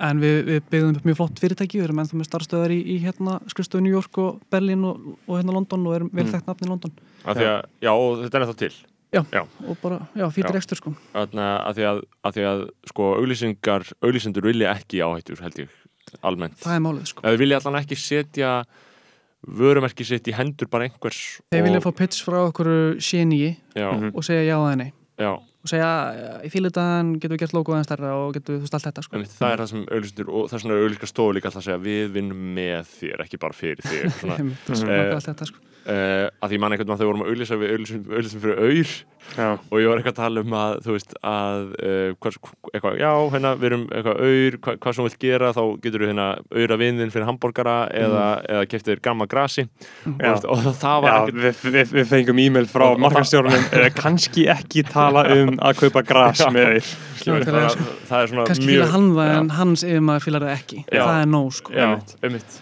það er, það, það er ræðilega, ræ- ræðilega spenna uh, í þessum valdastrútúr sko. já, auglýsendans og það sem er auglýsa sko. það er alltaf bara með eitthvað fokkin yfirmenn það er alltaf bara málið. Einmitt, það sem það gerum það ekki. Við erum, yfirmennun okkar eru Já, Nákvæmlega, sko. en, en sko Takumi og uh, svo pæling, ég menna, því að einmitt, uh, þú veist, núna erum við með okkur er bara mjög tamt að tala um áhrifavalda bara á íslensku, þú veist, þetta er bara mjög orðið bara algjörlega hluti af samfélaginu, algjörlega hluti af bara öllu því umhverfu sem við uh, þjáumst í. Ja. uh, Þetta hefur náttúrulega snúist upp í bara einhverja dystopíska stærði Ja. í setn tíð Starf, starfstjætt kúara Ég meina, þú, þú ert ekki góð með ártöl en þetta var kannski svona 2013, 14, 15 sem þið voruð eitthvað að- að vissinast í þessu, eða ekki? Já, Jú. Ég hlusta að, viðtala við Jón Pétur sko. hann er, Já. hann er, hann er með með mik, mik, mikla, mikið svona Twitter áraður gegn áhrifaldum já, sko. já, einmitt það er og, það er mjög áhugavert sko. já. Já. og hvað hva, hva finnst þér um þetta? Ég, ég tengi sko. Já, já, já. já, Ég held að En- tengja allir, sko en Já. að sama skapi hörðu svona ég, ég hef svolítið bent á þú veist áhrifaldur er áhrifaldur by definition af því það er einhver að followa hann sko. Og ef hann er unfollowaður Mhm. þá, þá hérna þá náttúrulega er hann ekki áhrifaldur, hann er svona self-correcting upp að einhverju marki, Já. Já, en þá, þá, þá er með þú veist, af hverju er fólk að followa er það því ég, að því ég dáist svo að fatast til þessara mannesku, Mhm. eða er það því að þú veist, ég get ekki beðið eftir að, eftir að hitta vinkonum mínu til að fara baktala og trassa eitthvað manneski sem finnst vera eitthvað svona algjört frík Já. eins og Britney Spears dæmi, svona smá svona uppgerð kakvað blaðamennu með það dæmi allt, allt í Mhm. dag sko já, veist, og, og ég held svolítið svona, við, við erum að passa okkur að þú veist, og fara ekki inn í þann heim aftur sko, já, Já. og bara með fólk sem er, með, með ennþá minni getur til þess að verja sig og, og Já. eitthvað, nefnt, þú veist, þetta er bara engalifið þeirra, þú veist þetta er bara vennlegt fólk, skilur, sem Já. er ekki enda okkur plötu samningum og eitthvað, þú veist, þannig að það, sko Já. og, og hérna, Einmitt, einmitt, já, mér, mér finnst mjög mikilvægt ein- Já, einmitt, ég heldur ég skilja það sko með því að uh, þegar maður er að svífurða áhrifaldana Mm. þá maður maður að passa, passa sig á því að svífurða ekki fólk persónulega, maður þarf að svífurða kerfið sem að Já. viðheldur þessu og lætur fólk vera óurugt og áhrifaldanir eru óurugi líka. Já. þeir eru að drepast úr kvíða og það, maður þarf að passa sér mjög vel á því að taka ekki einhvern fyrir og kenna honum um eitthvað, hann er bara partur af einhverju kerfi og málið bara einhvern hluti vind alltaf bara upp á sig og allt í einar þú bara einhver áhrifaldur með tíus followers og getur fengið borgað fyrir það að uh, fucking sína eitthvað parkett þér eða sína eitthvað, eitthvað, eitthvað bikini eða einhver gymfoot væntalega gerur það, skilur það er bara, veist, ókipis peningur fyrir að vera þú. Og fólk En- bara unfollower það þá. Einmitt, fólk er bara Það er, meina, þannig að þetta er bara self-correcting hvað það var. Þú, þú, þú þarft að passa þig og, Einmitt. og hérna, þarft að bara eins og morgunblæði þarf að passa heilsu auðlýsingarnar að þeir sé ekki bara eitthvað eitthva alveg já, skeitin dæmi sko. En, En en, en, ég en, held- en, en samanskapi ámaður að gaggrina sko uh, bara kerfið og struktúrun sem að uh, viðheldur þessu sko. Já, ég held sko að til með eins og línan sem Jón Pétur hefur tekið, hann er mikið að þess að áhrifavald á Twitter en þú veist, ég veit að hún myndur til saman þetta, hann er bara eitthvað að segja eitthvað á Twitter, skilur ég veit að hann er ekkert með eitthvað, eitthvað, eitthvað fasta stefnu gegn áhrifavaldum, en mér finnst, skilur slík umræði er náttúrulega, það vantar ákveð núans í hana uh, uh, ég, ég er alltaf að kalla eftir núans eða umræði um slæma en hluti. sko bæði núans kemur þau kemur með ykta afstöðu. Já, einmitt, það er bjútið við það sko, Já, kemur já. eitthvað ykt og er eitthvað bara wow, þetta er svolítið ykt einmitt. Og þá, þá kemur samtalið um hennar núans Já, en fær- þá hans færðu- input er mikilvægt sko. Þess vegna Já. er það mikilvægt, Einmitt. að, að, Og- þá og- færðu mig sem Já. byrjar að reyna núansera eitthvað. Og hann var með svolítið skýra stefn, stefnu bara hashtag unfollow. Sem er, sem er saman. Það er eina sem virkar. Að því að ég trúi því að sko, þú sért óhjákvæmilega, ég meina þú veist samfélagsmiðlar eru náttúrulega einhvers konar endurspeglum bara venjulegu félagslegu kerfi. Og þá ertu alltaf bara með einhver leiðtóa uh, og bara eitthvað, eitthvað fólk sem bara einhver sem er veikari er sem vann á. Já, það var bara eitthvað með einmitt. fallegur á Instagram Já. og Já. annar sem ég get hérna, kláru velgefin á Twitter og fyndin Einmitt. og alls konar svona sko líka já. Þú veist, og, og þetta eru algjörlega mismunandi líka einmitt svona svona fakultet, skilur þú veist, það er bara ólíkt hvar fólk er gott í þessu dæmi, skilur, og hvar það stendur vel á samfélagsmiðlum sumir hafa bara e e engan, ekkert skil bara kunna ekkert á samfélagsmiðlum, bara nenna því ekki aðrir gera þetta og þá held ég líka, skilur, að þegar við erum að tala um svona unfollow, eitthvað svona hættum áhrifaveldum þá held ég að það sé algjörlega, sko utopíst, það, það er engin leið að sko hætta að hafa fólk hægt. Já, það, þú Nei. getur ekki hætt að hafa fólk sem er marga, skilur, fylgjendur. Erum við að segja að fólk er ekki að followa sko hérna tvo einstaklinga með klikka output og 100 followers? Heldur ég að followa þú veist 100 manns með 100 followera það er bara svona, það er bara það er alveg eitthvað Já, en, en þú- þetta verður bara alltaf eitthvað mix. Já, Mhm. fólk vill followa eitthvað smá celebrity, eitthvað smá svona, eitthvað smá já, svona skilur og vilt fylgjast með og ræða þetta þú veist, þetta er bara eitthvað sem að ræði bara sást Já, þetta, en, skilur en, en aðal sko uh, að því að við tölum um þetta, jú, verða og eitthvað svona en að því að þú bara sérð, það fólk er vinsælt skilur og það ákveður að nýta sér vinsældi sínar til þess að selja fólki drasl Mhm. basically síðan er það, að- kúltúrun hefur bara myndast þannig að það er viðkjöndi og dæm, tekur sem dæmi bara Instagram þá ertu með fólk þar sem er að selja fólki rusl. Bara láta það kaupa, kjarta þið og síðan ertu með á Twitter, tökum sem dæmi bara Siffi G og Tommy Stendors, skilur bara vinsælur á Twitter. Og sambærlegar vinsældir og eitthvað fólk á, á atna, Instagram, en það bara er ekki kúltúr fyrir því að þeir sé að selja eitthvað shit. Að kröfunar Twitter er alltaf stærri það, það, það er bara ekki máli ef að þeir var að selja eitthvað flat tummy tea eða, þú veist, eða tala um einhverja skekkóli eða hvað sem er, það væri bara rosalega, rosalega skríti og það er bara sem að Instagram er búið að gera. Það er bara búið að búa til þennan kúltúr að það sé bara fullkomlega normalt að vera að selja fólki Já, og mí- það er sem er svo ræðilt við þetta. Og það, með, eins og maður hefur heilt frá áhriföldum er að ef þeir haldi ekki áfram að selja shit þá byrjar að missa followera skilur, ef, að því að þú- því meira sem þú selur, því vinsælir verður því að þetta er það sem að fólkið vill. Það er búið að kondisjona fólkið í að vilja þetta. Og það er bara kerfi sem Instagram bjóð til. Og áhrifaldanir eru svolítið næstuði jafn mikil fórnarnum og fólkið sem að þau eru að influensa ég er svolítið líka að vera líka Instagram við, þú veist, glanstímaritin tóku við af þeim. Já. og þar flettir í þau, þú veist. Það, það eru tímarit um Mhm. weight loss og, og eitthvað svona dót, skilur mhm, þannig að þú veist, þetta er bara Twitter er ekkert um það. Er ekkert að follow eitthvað weight loss sérfræðing á Twitter, skilur Mhm. þannig að þessi miðlar eru kannski bara svona by nature líka. Einmitt. það er sem myndi bæta það sem þú ert að segja núna, skilur þetta var ekki eitthvað plott hjá Instagram að eitthvað mm normalisera consumption og eitthvað svona dót, sko. Mhm. heldur er þetta bara, þú veist, þetta er bara mjög visual miðill sem að Já. traktaði, þú veist.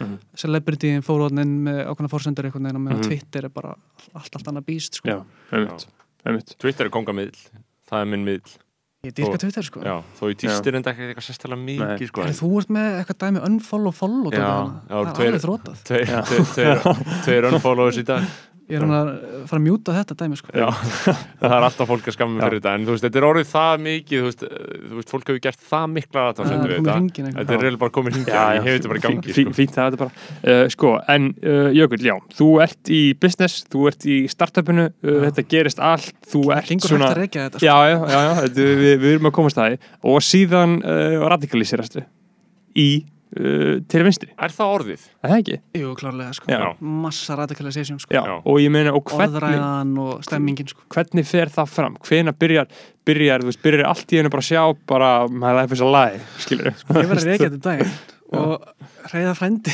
kemur aftur inn í þetta einhvern veginn ég var eitthvað þetta er fárlega, sko. við erum átna eitthvað að spjalla, spjalla saman í eitthvað já, ég veit það ekki alveg, sko. Að, veist, hann, hann alltaf skilur bankakerri mjög vel og okkar svona dót, sko. Og hann var að segja eitthvað, þetta Ólafur Margeirsson. Ég, það er ekki allir að digga hann, sko en ég veist hann vera, hann sé skarpur, sko. Hann skilur alveg lífyrirsjóðana, hann skilur hérna verðtrygginguna og svona allt sem hann er, hann er að skrifa er frekar spott hann, sko. Mhm. við eitthvað, hm, ok er ekkert hvað þetta er, ég er að tjekka á honum. Byrja að googla hann og hann Óli Margis var með eitthvað blogg á divaf og eitthvað svona þá sko. Mhm. ég er bara einhvern veginn, þá er ég bara komin á okkar trail sko, Já. sem er þetta MMT trail sko Já, Modern Monetary Theory sko, það er nútíma peningahagfræði og Óli er, er búin að vera mjög sterkur aðdugget af því sko og ég Mhm. svo bara Í- hvað, felst, hva, hva, hvað er það nákvæmlega? Er þetta að útskýra það á, á uh, mannamálega? Já, algjörlega sko. Það er hérna, MMT er lýsing á, á hvernig peningakerfi virkar Mhm. og er með mjög solid lýsing á hvernig útlán virka í bankakerfinu Mhm. og hvernig samspilið er við seðlabanka og hvernig ríkisjóður vinnur með seðlabanka. Mhm. Mm. Með ríkisjóð, með seðlabankan, millibankakerfið, uh, útlánastarfsemi bankana og hvernig peningarnir flæða þarna milli. Mhm. Og hérna, það verður að vinda hann alls konar mítum eins og að bankar get ekki lána út nema að taka við innlánum fyrst sko Mhm. og, og samanskapið verið að venda ofan að mítuna að ríkisjóðu þurfi fyrst að taka inn skatta áður en þið geta emt til útgjalda Já. þannig að við þurfum að skattleggja fólk áður við borgum grunnskólakennaranum Mhm. sem er, þú veist, í einhverjum skilningi máli segja að það sé rétt skilur það þarf að funda taxes en þú veist, MMT er með ónami fyrir því. Segja bara, nei, nei, nei, nei, nei, við tölum ekki um að, að, að fjármagna ríkið. Ríkið býr til pening þegar efni til útgjalda og peningarnir rata þó um hagkerfið áður en þeir eru skatlaði tilbaka Mhm. skilur og, og, og, og hérna ríkiskuldur er bara mæli hverði á hvers mikið peninga á eftir að skatleika Já. skilur meikar þetta ekki alveg sens þegar að segja þetta núna Jú, ég menna þetta er sko, bara svona hvernig circulationi virkar á Já, peninga Já, já. hvernig það fyrir En- ringi? og þannig er bara verið að að tala ekki endilega um sko, afsaka ég grif fram í, að tala ekki endilega um uh, að skuld ríkisins, þú veist, ef að ríki skuldur 100 miljónur, að það sé bara eitthvað inherent slæmt heldur að það sé einfallega bara eitthvað sem þá á eftir að rata inn, þú veist, bara, bara eitthvað ástand eitthvað ástand, eh, hlutlust ástand og þarna segja sem er MMT sé hægt að lýsa peningakerfinu og sé bara orðið pólitíst Já, og eitthvað. Og þú veist gott og vel mjög mikið af vinstri hagfræðingum aðhyllast MMT Mhm. og mjög mikið MMT fólki er svona að advæsa frekar vinstri öflin en hægri öflin og eitthvað svona sko. Já. en þarna mjög svona fólk sem er svolítið á móti MMT í dag viðkennir að ok, þú veist, ég viðkennir þið neldu pínlítið svona þetta description af peningaflæðinu. Já. skilja hann að MMT fólki er loksist núna að komast óslega mikið gegn orðið mainstream hvað varðar eitthvað svona fólki fyrir að samþykja lýsingin þeirra á hagkjörinu er góð en policy prescription þeirra eru, eru alveg crazy Mhm. eitthvað, það er ekki lendlast af peningum og svona dót sko.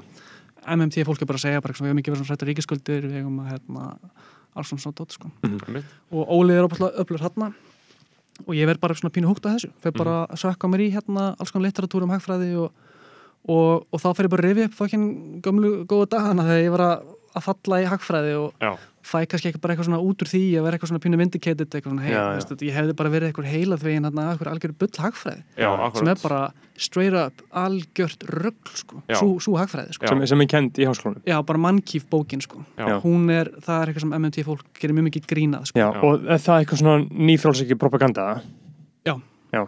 bara ég myndi segja það en svo Mhm. talar Þorvald Gilva sem er alveg nice guy Mhm. hann er bara, nei, þú veist, ég slökum að það ég fælt að góða stöfi í þessari bók og ég er Mhm. bara ekki að segja, hei, ef 20% bókin er bara false og Já. rámt þá er kannski þetta ekki góð ingangsbók fyrir hagfræði, ef við ekki bara hafa ingangsbókinu svolítið rétta, Mhm. Já. þú veist, þannig að ég er svona pínu gaggrinin og meðan að, hérna, Mhm. orthodox í, í HÍ, sko Já. ég, ég sé svolítið svona HÍ neikvæði ljósa hvað þetta var, sko, opbáslega orthodox þú veist, opbáslega svona íhaldsamt hvað var hagfræði, sko Mhm.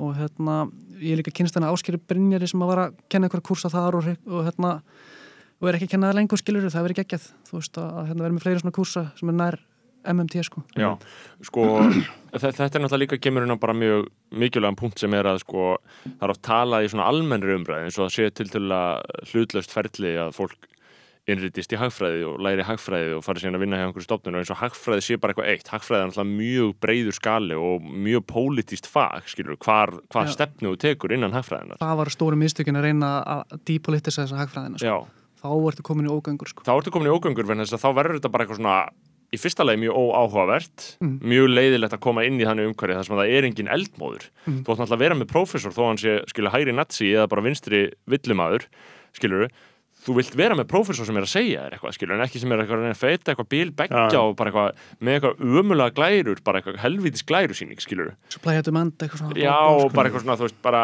að það, það, það blæs einhvern býr í, þú veist, einhvern, einhvern eldmóð í brjóst að vera í slíku umhverfi, skilur, þannig að ég held miklu frekar, þá viljum frekar hafa þetta bara lengst til hæða, lengst til vinstri, sko, ég, ég er alltaf bara augamæður í eðli mínu, sko, en, en sammála sko, þessu og svo myndi MMT bara bæta við að segja bara me mekaníkin sem er verið að kenna Já. er líka röng. Já, skilur hann er bara factually rangt út í gangi í hagfræðinni sko. að- og hún og hitt sem ég líka 100% sammála þú veist, auðvitað viltu vera með kenna sem hafa áhuga á þessu sko. Já, akkurat, og þannig að svona að, að, þú veist, það, sem, það sem þú meinar þá er það í raun og veru sko að, að skilur einhverja lýsingar, einhverja vísindalega tilraunir til þess að vera með vísindalega lýsingu, vísindalega lýsingu bara á bankakerfinu Mhm. og að, að, að það sé verið að gera það bara í raun og raungum grundvelli sem í Já, hári. og þú veist, MMT er eitt og svo er bara svona alls konar dót eins og Unlearning Economics og, og Já. hérna, Steve Keen er annar hagfræðingu frá Ástralíu sem er búin að vinna rosamikla vinnu að svona vinda ofan að þessari vitleysi sko. og. Já. hérna og svo framvegis og svo framvegis sko. þetta er alveg svona stort movement sem er stærri en bara MMT sko. Já, sem er svona að reyna að vinda ofan að vitleysinni og instilla, þú veist, betri lýsingur á mekaníkinni einmitt, og svo kemur náttúrulega viðbót fylgir því kannski þessi policy prescriptions sem eru mjög mikil vinstri.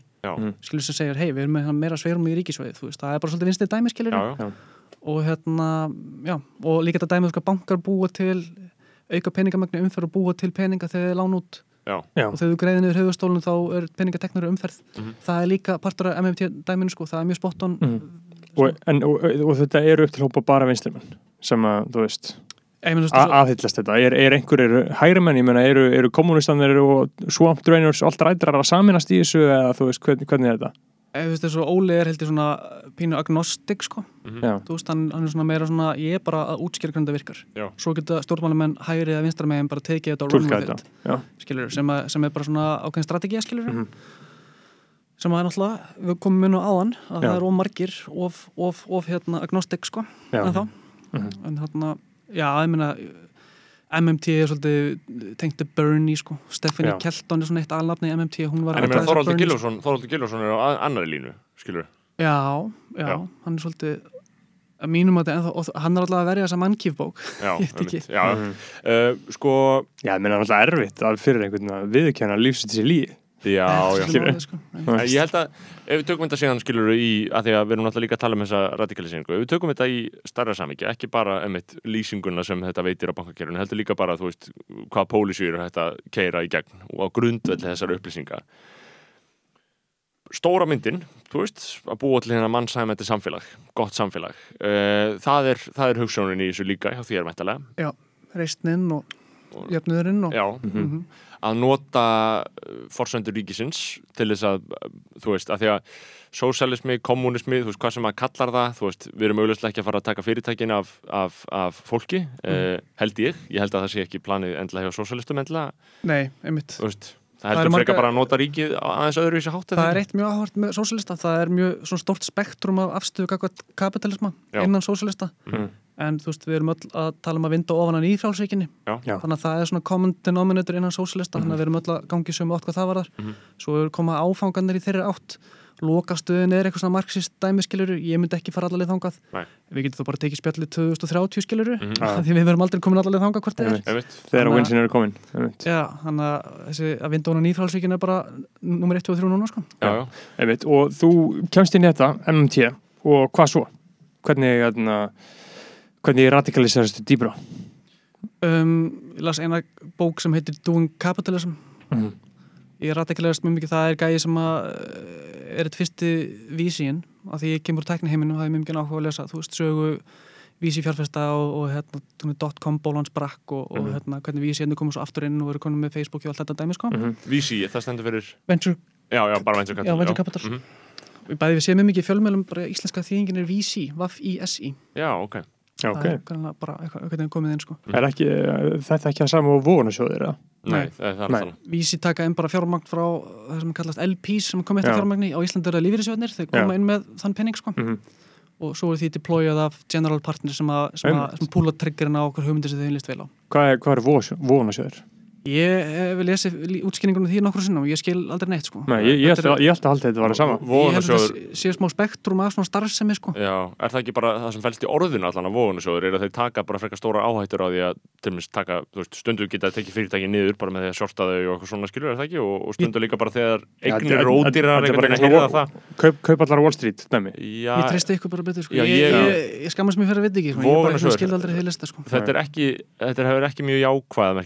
svona það Ég ég, ég- ég, ég að. Ég þetta er þetta þetta líka Já, einhvern veginn einmitt. kallað held ég sko, Rækamarsjóður þeir svona, þú veist, eins og var gert hérna sko, ég er að lesa málsvörð Jóns Ánskeirs þú veist, Já, og er ekki góð bóka? Jú, mjög að áhugaverð, sko. mjög áhugaverð uh, bara upp á sögulegt samingi, sko, alveg saman hvað manni finnst um hann, sko Mhm. uh, þetta er bara svo mikið lýsing á því sem gerðist inn í hrunni, þú veist, bara þegar þeir töpuð 35 miljardum, þú veist, Jón Ásker bara horfið á 35 miljard að gufa upp í höndrum á sér Já, það var svona leverage dæmi up to his eyeballs Já. bara að taka lán og, og hérna Já, já, einmitt, Mhm. og, og þegar hann, sko þegar, þegar allt hrundi þarna, þegar, þegar ríki tók hluti í glitni og veist, þá, þá föttu allir að bankakerfi var búið og þá hrundi Mhm. bara allt, skilur uh, það sem ég er að lesa um þar eru sko eignirnar, þú veist að þeir bankarnir, íslensku bankarnir þeir voru náttúrulega fucking viðbjóðsla ríkir og þeir voru mag- mag- massífum rekstri.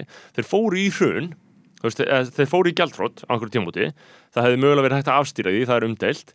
En í öllu falli, það voru eignirnar sem töpuðust, þær voru svo stjartfræðari Íslendingar, þú veist bara, ef við hugsaðum þetta bara svona alveg nettó bara í mjög einfaldri hugsun bara Íslendingar sem þjóð, áttum þessa banka þau voru vissulega enga en það voru Íslendingar sem áttu það.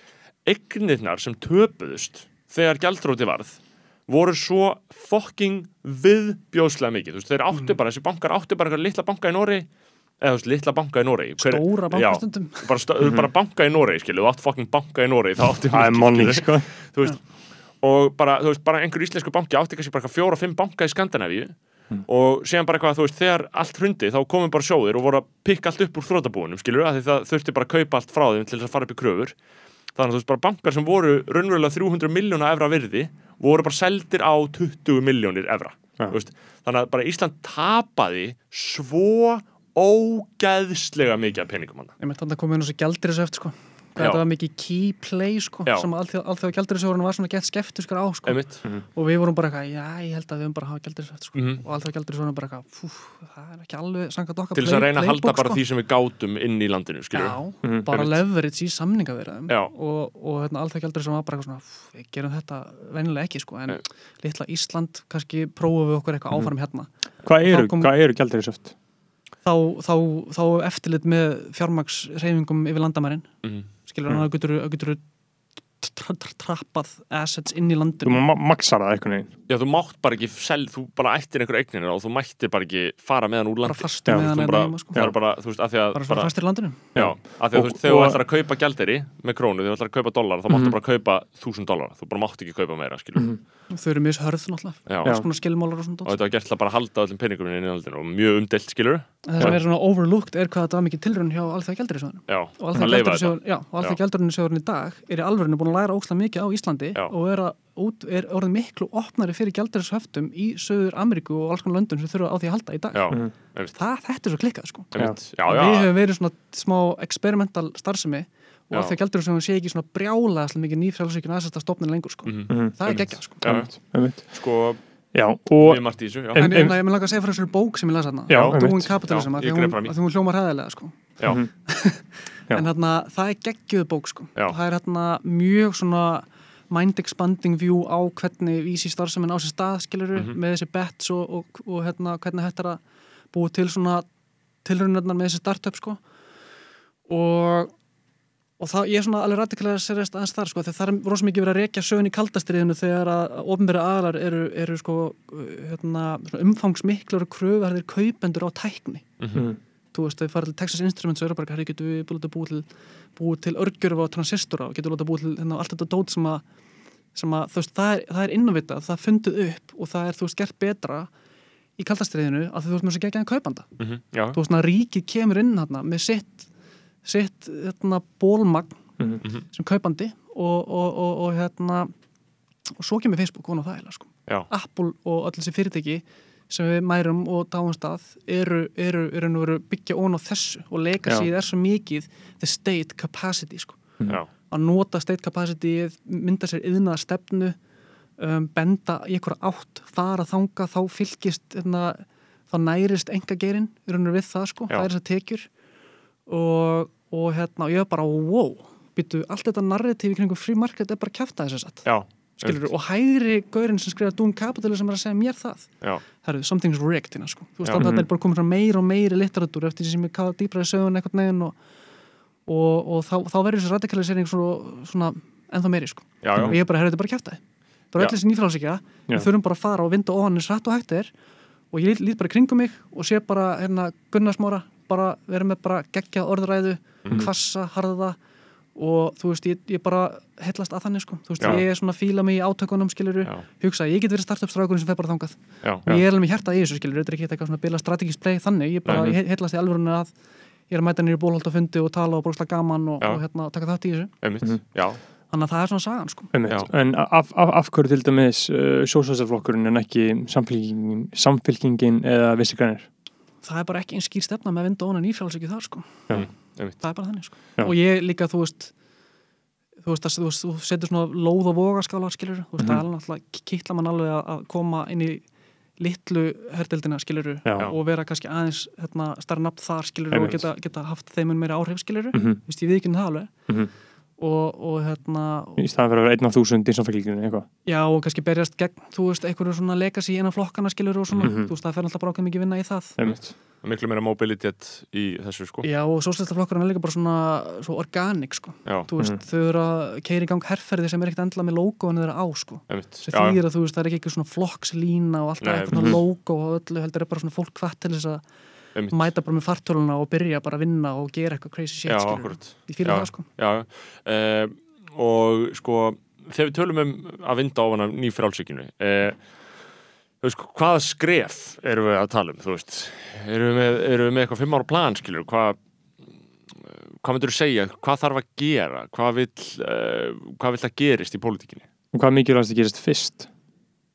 Sko, ég mætti silfur þannig daginn, sko. Mhm. Var að tala um húsnæðismarkað. Það er bara svona the free market will take care of everything dæmi sem er alltaf mikið í gangi núna, sko. já, Já. og hérna, við erum að vera óhrætt við, svo nýfrælsingar gengur óbúinlega mikið út á að, á að sko minka the state sko, hann að, mm. að ríki megi ekki raunur skipta sér hlutunum, um leið og ríki bara skipta sér hlutunum þá segja raunur að eðilega eitthvað svona beauty Mhm. þar sem að fólk markar henni svona self-regulated Mhm. Og ég er bara að segja, þú þú veist þessi hugmyndafræði er, er, er hrunin skilur, hún hrundi í hruninu og hún er rúkundir úst núna Mhm. og þá ertu svolítið looking around, ok, hvað eigum við þá að gera? Ég er að segja, herðu, við getum sagt hérna lífið þessu höfnum, kemur þeim hlutverk Mhm. bara brjálaðislega mikið kapasitið þar til að byggja upp leiguhúsnaði sem er leikt út af sangjörnum verði byggt af miklu metnaði jafnvel í kreppum til að halda, halda þú veist, vera ekki með og, og hérna, í bygging að og, þetta rauðið þráðurinn þarna er að segja hérna verið sko hérna í krafti þú veist, lí- lýðræðis og í krafti svona um, umbóðisins sem fólki gefur ríkinu, þá má ríkið að skipta sér að. Hvað Mhm. rugl er þetta? já, Akkur, akkur má það ekki koma inn og gefa lífið svona hlutverk? Já, bara nei, þá hérna ertu farin að sko saksa á sko á hérna Sjálfstæði. á ávöxtununa sko. Já, bara nei, það er bara, þetta er bara að eiga húsnaði, bara sínt sér í mörgum löndum og ég bara, þannig að lífyrirsöðunir sem eiga rosalega frjálsir er ekki einu sinni einhvern veginn að taka réttar ákvarðan það er svo mikil íhald sem í þeim. Já, Mhm. þannig að ríkið þarf bara að stíga inn til þess að hristu plötunum já, og bara sorry, það er bara þannig sko. Já, Þannig, að- og, og, og svo getur maður tekið allar sem málaflokka kolla kollin, rauðið þráðurinn er alltaf þetta skilur þú veist, að má eitthvað í krafti líðræðis alveg setja niður eitthvað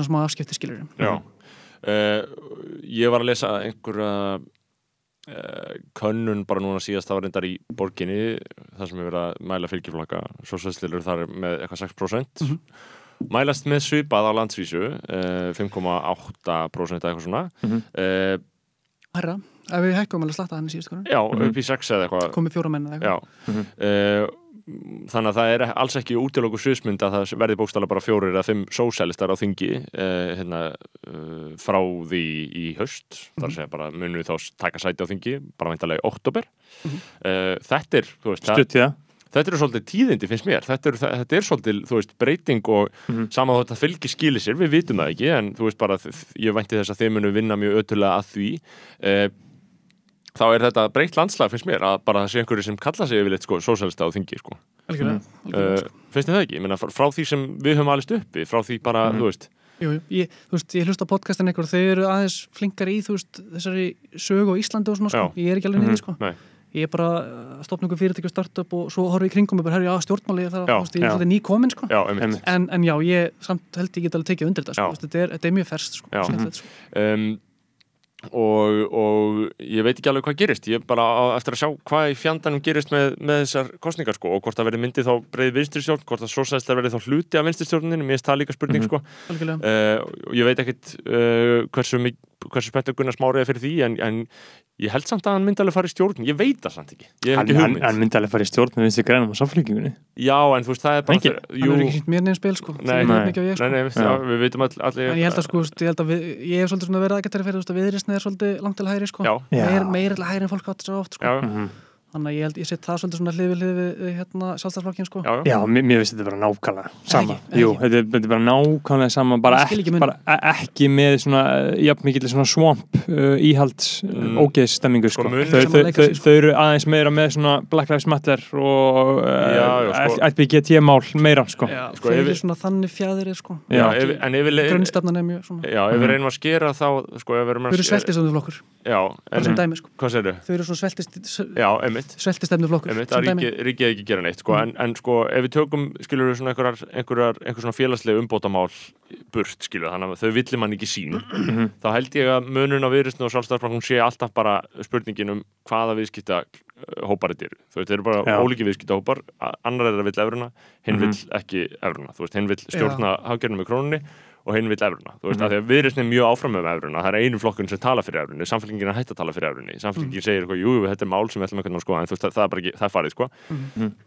og viðskiptaráð, það er efra þú veist, þeir vilja efru, ég meina já, uh, sko eða svona, það er allan stóru hópar innan viðskiptaráð sem vilja efru, fjárfæstar eins og Hjálmar Gíslason, sem er hann er reyndar ekkert eitthvað stóri viðskiptaráð, en hann, hann á tímis kjarnan, þeir vilja nýsköpun, þeir vilja efru, af því að efra er miklu betra fyrir allt sem við erum að tala um, allt svona viðskipti, þú veist fjárfæstingar, þú veist, og allir bankamenninir, að þeir eru alltaf að segja, þú veist þe- þeir voru hérna í aðrændar hundsins, þeir voru alltaf að tala um það bara, við getum ekki verið með þessa krónu Og, veist, en, Ég er en, en, mjög mikið á móti efri bæði, já, sko. já, Ok. Hardcore, sko. En, en því ég hugsa um uh, efruna og að þessu bara uh, útgerðarmennir sem vilja halda krónin áfram að það er svo mikið vesli fyrir þá. Hvað hva, hva er sagt við því? Ég, ég, ég, ég skil ekki alveg þessar, þessar rauk sko með, ég er ekki alveg viss að hvað útgerðnar vilja krónu Ég, ég er ansi vissum að það sé mjög almenn lína, að krónan sé mjög hagstæð fyrir er útgerðina. gengi ef að útgerðnar gangi ekki vel Já, til bara og að því að, og að, því að þeir, eru bara, þeir eru bara púra útflutningur skilur, þetta er bara púra útflutningur og þá viltu bara fá þetta allt inn í evru. Nei, Ísla, nei sest, þú, Já, að Það því er að, snúst meira sveiflurnar sko. Já. þegar að, þegar að krónan er komin of hátt og þegar að þeir verum að að þeir eru komin að aðra útlending stóðir Já, þá sé ekki þetta með handabli einmitt með, ákveð, með allavega réttir stjórn Já, að fella gengið til þess sem, sem, hagn- hagnast sem hagnast þeim. þá, já, Þú veist þannig að sé alltaf þessi valmöguleika í bóði sko, með efrinu það myndu verið basically afsala okkur öllum þessum völdum og við getum sko. ekki tekið upp krónu aftur allir sem fara í efrinu eru fastir þar Já, basically sko. Já, bara for life. Já, það er basically þannig sko. Já, ég meina, og, og, það, og það er náttúrulega, þú veist, það er náttúrulega ákveðið sjónamið að við höfum eins og núna, ég meina, við höfum, við erum með krónuna og krónan þarf eftir að gaggrina hana en við stjórnum henni, skilur, við ráðum hvað við gerum sko. við hana, skilur Lýðræðið, sko. Já. ég er svo mikið að horfa á það sko. Já, ég held að, og ég held sjálfur að það sé bara ágætt stefna að, að stýra krónni, vera ekki að fjárfæsta í bitcoin, við þurfum náttúrulega líka að ræða bitcoin, skilur, þú ert á móti bitcoin. Ég þarf að hoppa klóstið að hann tökum það. Já, jú.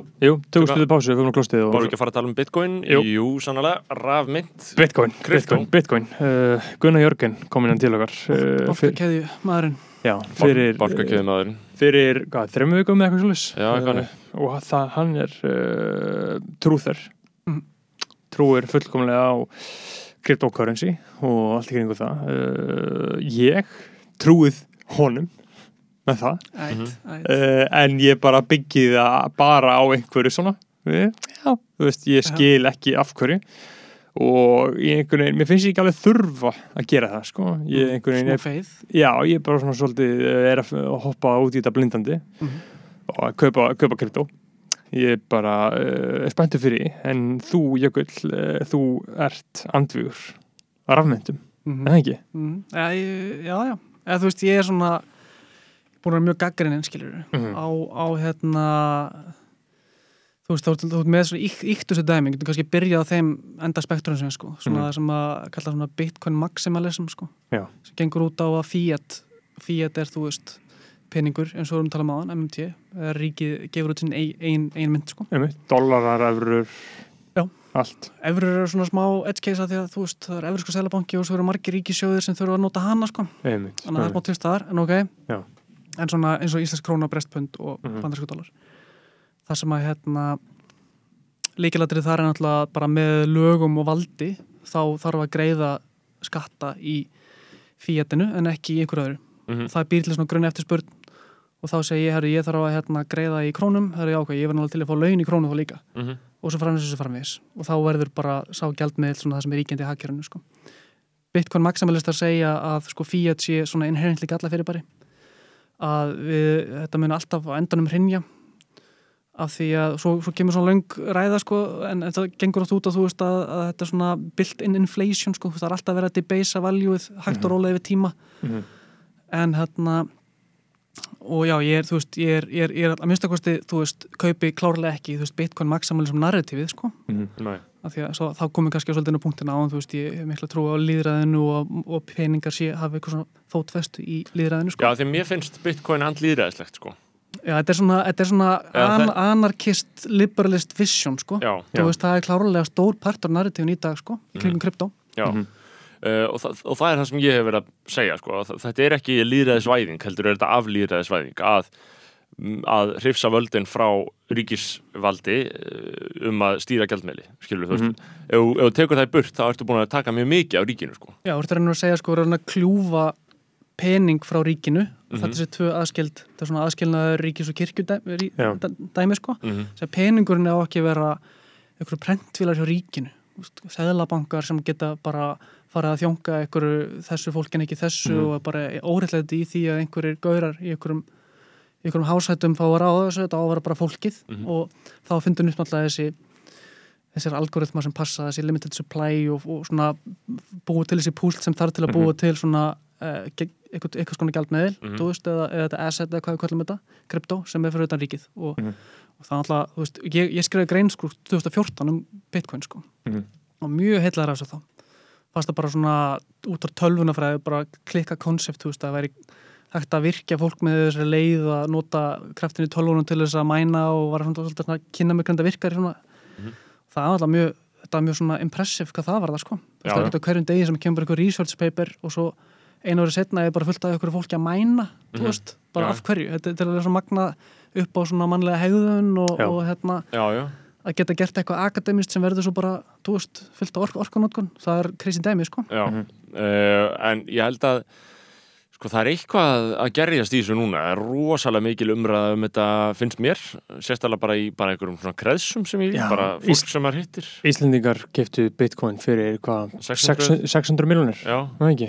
Jú, við erum Á alltaf algjörir spekulators líka skilur og það Já. er það sem þú veist kannski svolítið að pæla þú veist, er að, er að, er að, hérna, að taka þátt í, í svona, Mhm. eða svo er ég er að putting words in your mouth, sko, en þú veist ég sé fullt af fólki sem er að búa að græða smá pening Já. alveg við þetta og það er það er eitt, sko, Mhm. Svo er maður kannski að tala með út frá hugmyndafræði hinum megin, sko Já, Þú veist, já. ég, ég, ég, bara, bara God bless, sko, þú veist, Já, já. einhverjir einhver gaurar að græða smá vasapenning, bara ég hef ekki að móti því náttúrulega inherently, nei. sko auðvitað, já en, en hérna, En- en- bara en- þessi útskýra af, afstöðu mína, sko Já, bara, bara grunnmálið, uh, grunnstefnuna að þú veist, svona kryptó, talsmenn, þeir vilja að uh, peningurinn sé ekki hundur ríkisins og þú vilt að hann sé hundur ríkisins, það já, ekki? já, Já. já. Mm. og það er maximalistarnir sko, svo Já. eru aðrir svona mjög margir bæði við sem er eitthvað svona það kom bæði við aðeins spóla tilbaka, kom svona narratív sem var svona it's not bitcoin, it's blockchain já, Mhm. að bitcoin er bara fyrsta myndin og ein mynd og eitthvað svona, við þurfum að Já. fókus á tæknina sko, þetta er svona það sem unlockar svo ógæslega mikið af flottum viðskiptækifærum og, Mhm. og, að- og að öll fyrirtæki eru með blockchain og,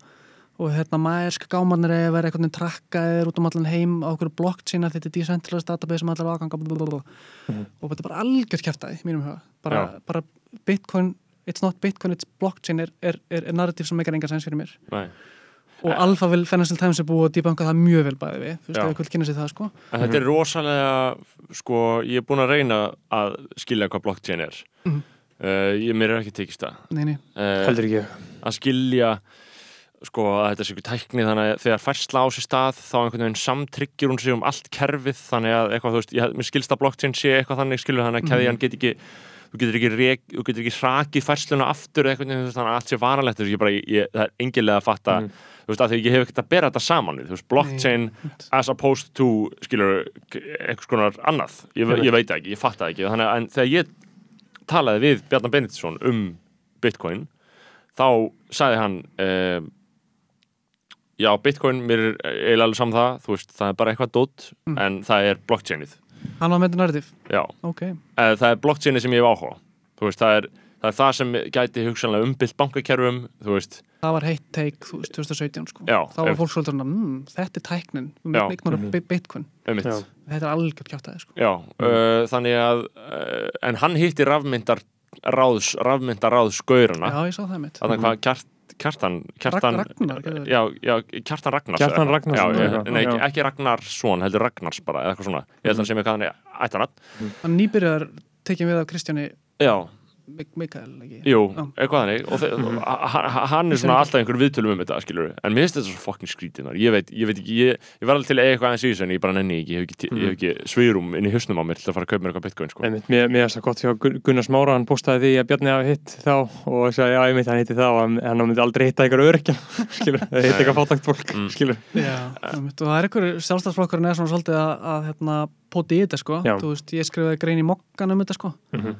Mm. og er er svona hérna, veist, Mhm. var það svona að tala um bólur og stundu getur bólur verið í lagi, þú veist, það kemur eitthvað gott út um að það fara Mhm. of fjárfesta Mhm. Já. í svega, eh, hérna, kvót sko, í einhverju og fjárfestinu töpuðu en þú veist, það var, það var fundað eitthvað innovation og eitthvað svona, Mhm. eins og 2000 kannski, Mhm. en ég held að Bitcoin sé bólar sem að springur og það verður ekkert eftir þú veist, ég var að segja það í þessum pistli sko. þá kom ræða á alþingi sko. Mm.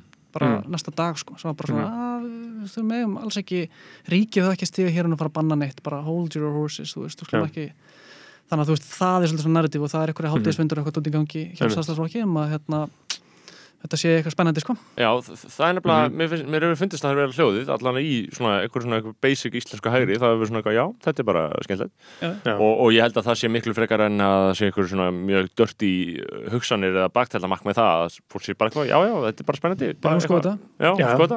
þetta bara spennandi bara eitthvað- þetta, Já, Já. þetta nýsköpun er svona Já, Einmitt, það en- er en- annað topic sem var en- gaman að taka bæði Já, já, nýsköpun en- en að þessu því ofuráherslu á leikla borðið nýsköpun sko, en ok. Einmitt, að ég, ég, fyrir að hugsa sko uh, að því að við viljum, an, við viljum ekki að uh, við viljum náttúrulega að ríkið stjórni þarna, uh, peningakerfinu. En hvað með bara eitthvað svona ókysselt ríki eins og bara Joe Biden og félagar. Hvað segja skilur uh, að því að ég hef ekki kynnt mér þetta fullkomna ég er bara búin að fjárfesta og hugsa síðan ekki meira um þetta. Mhm.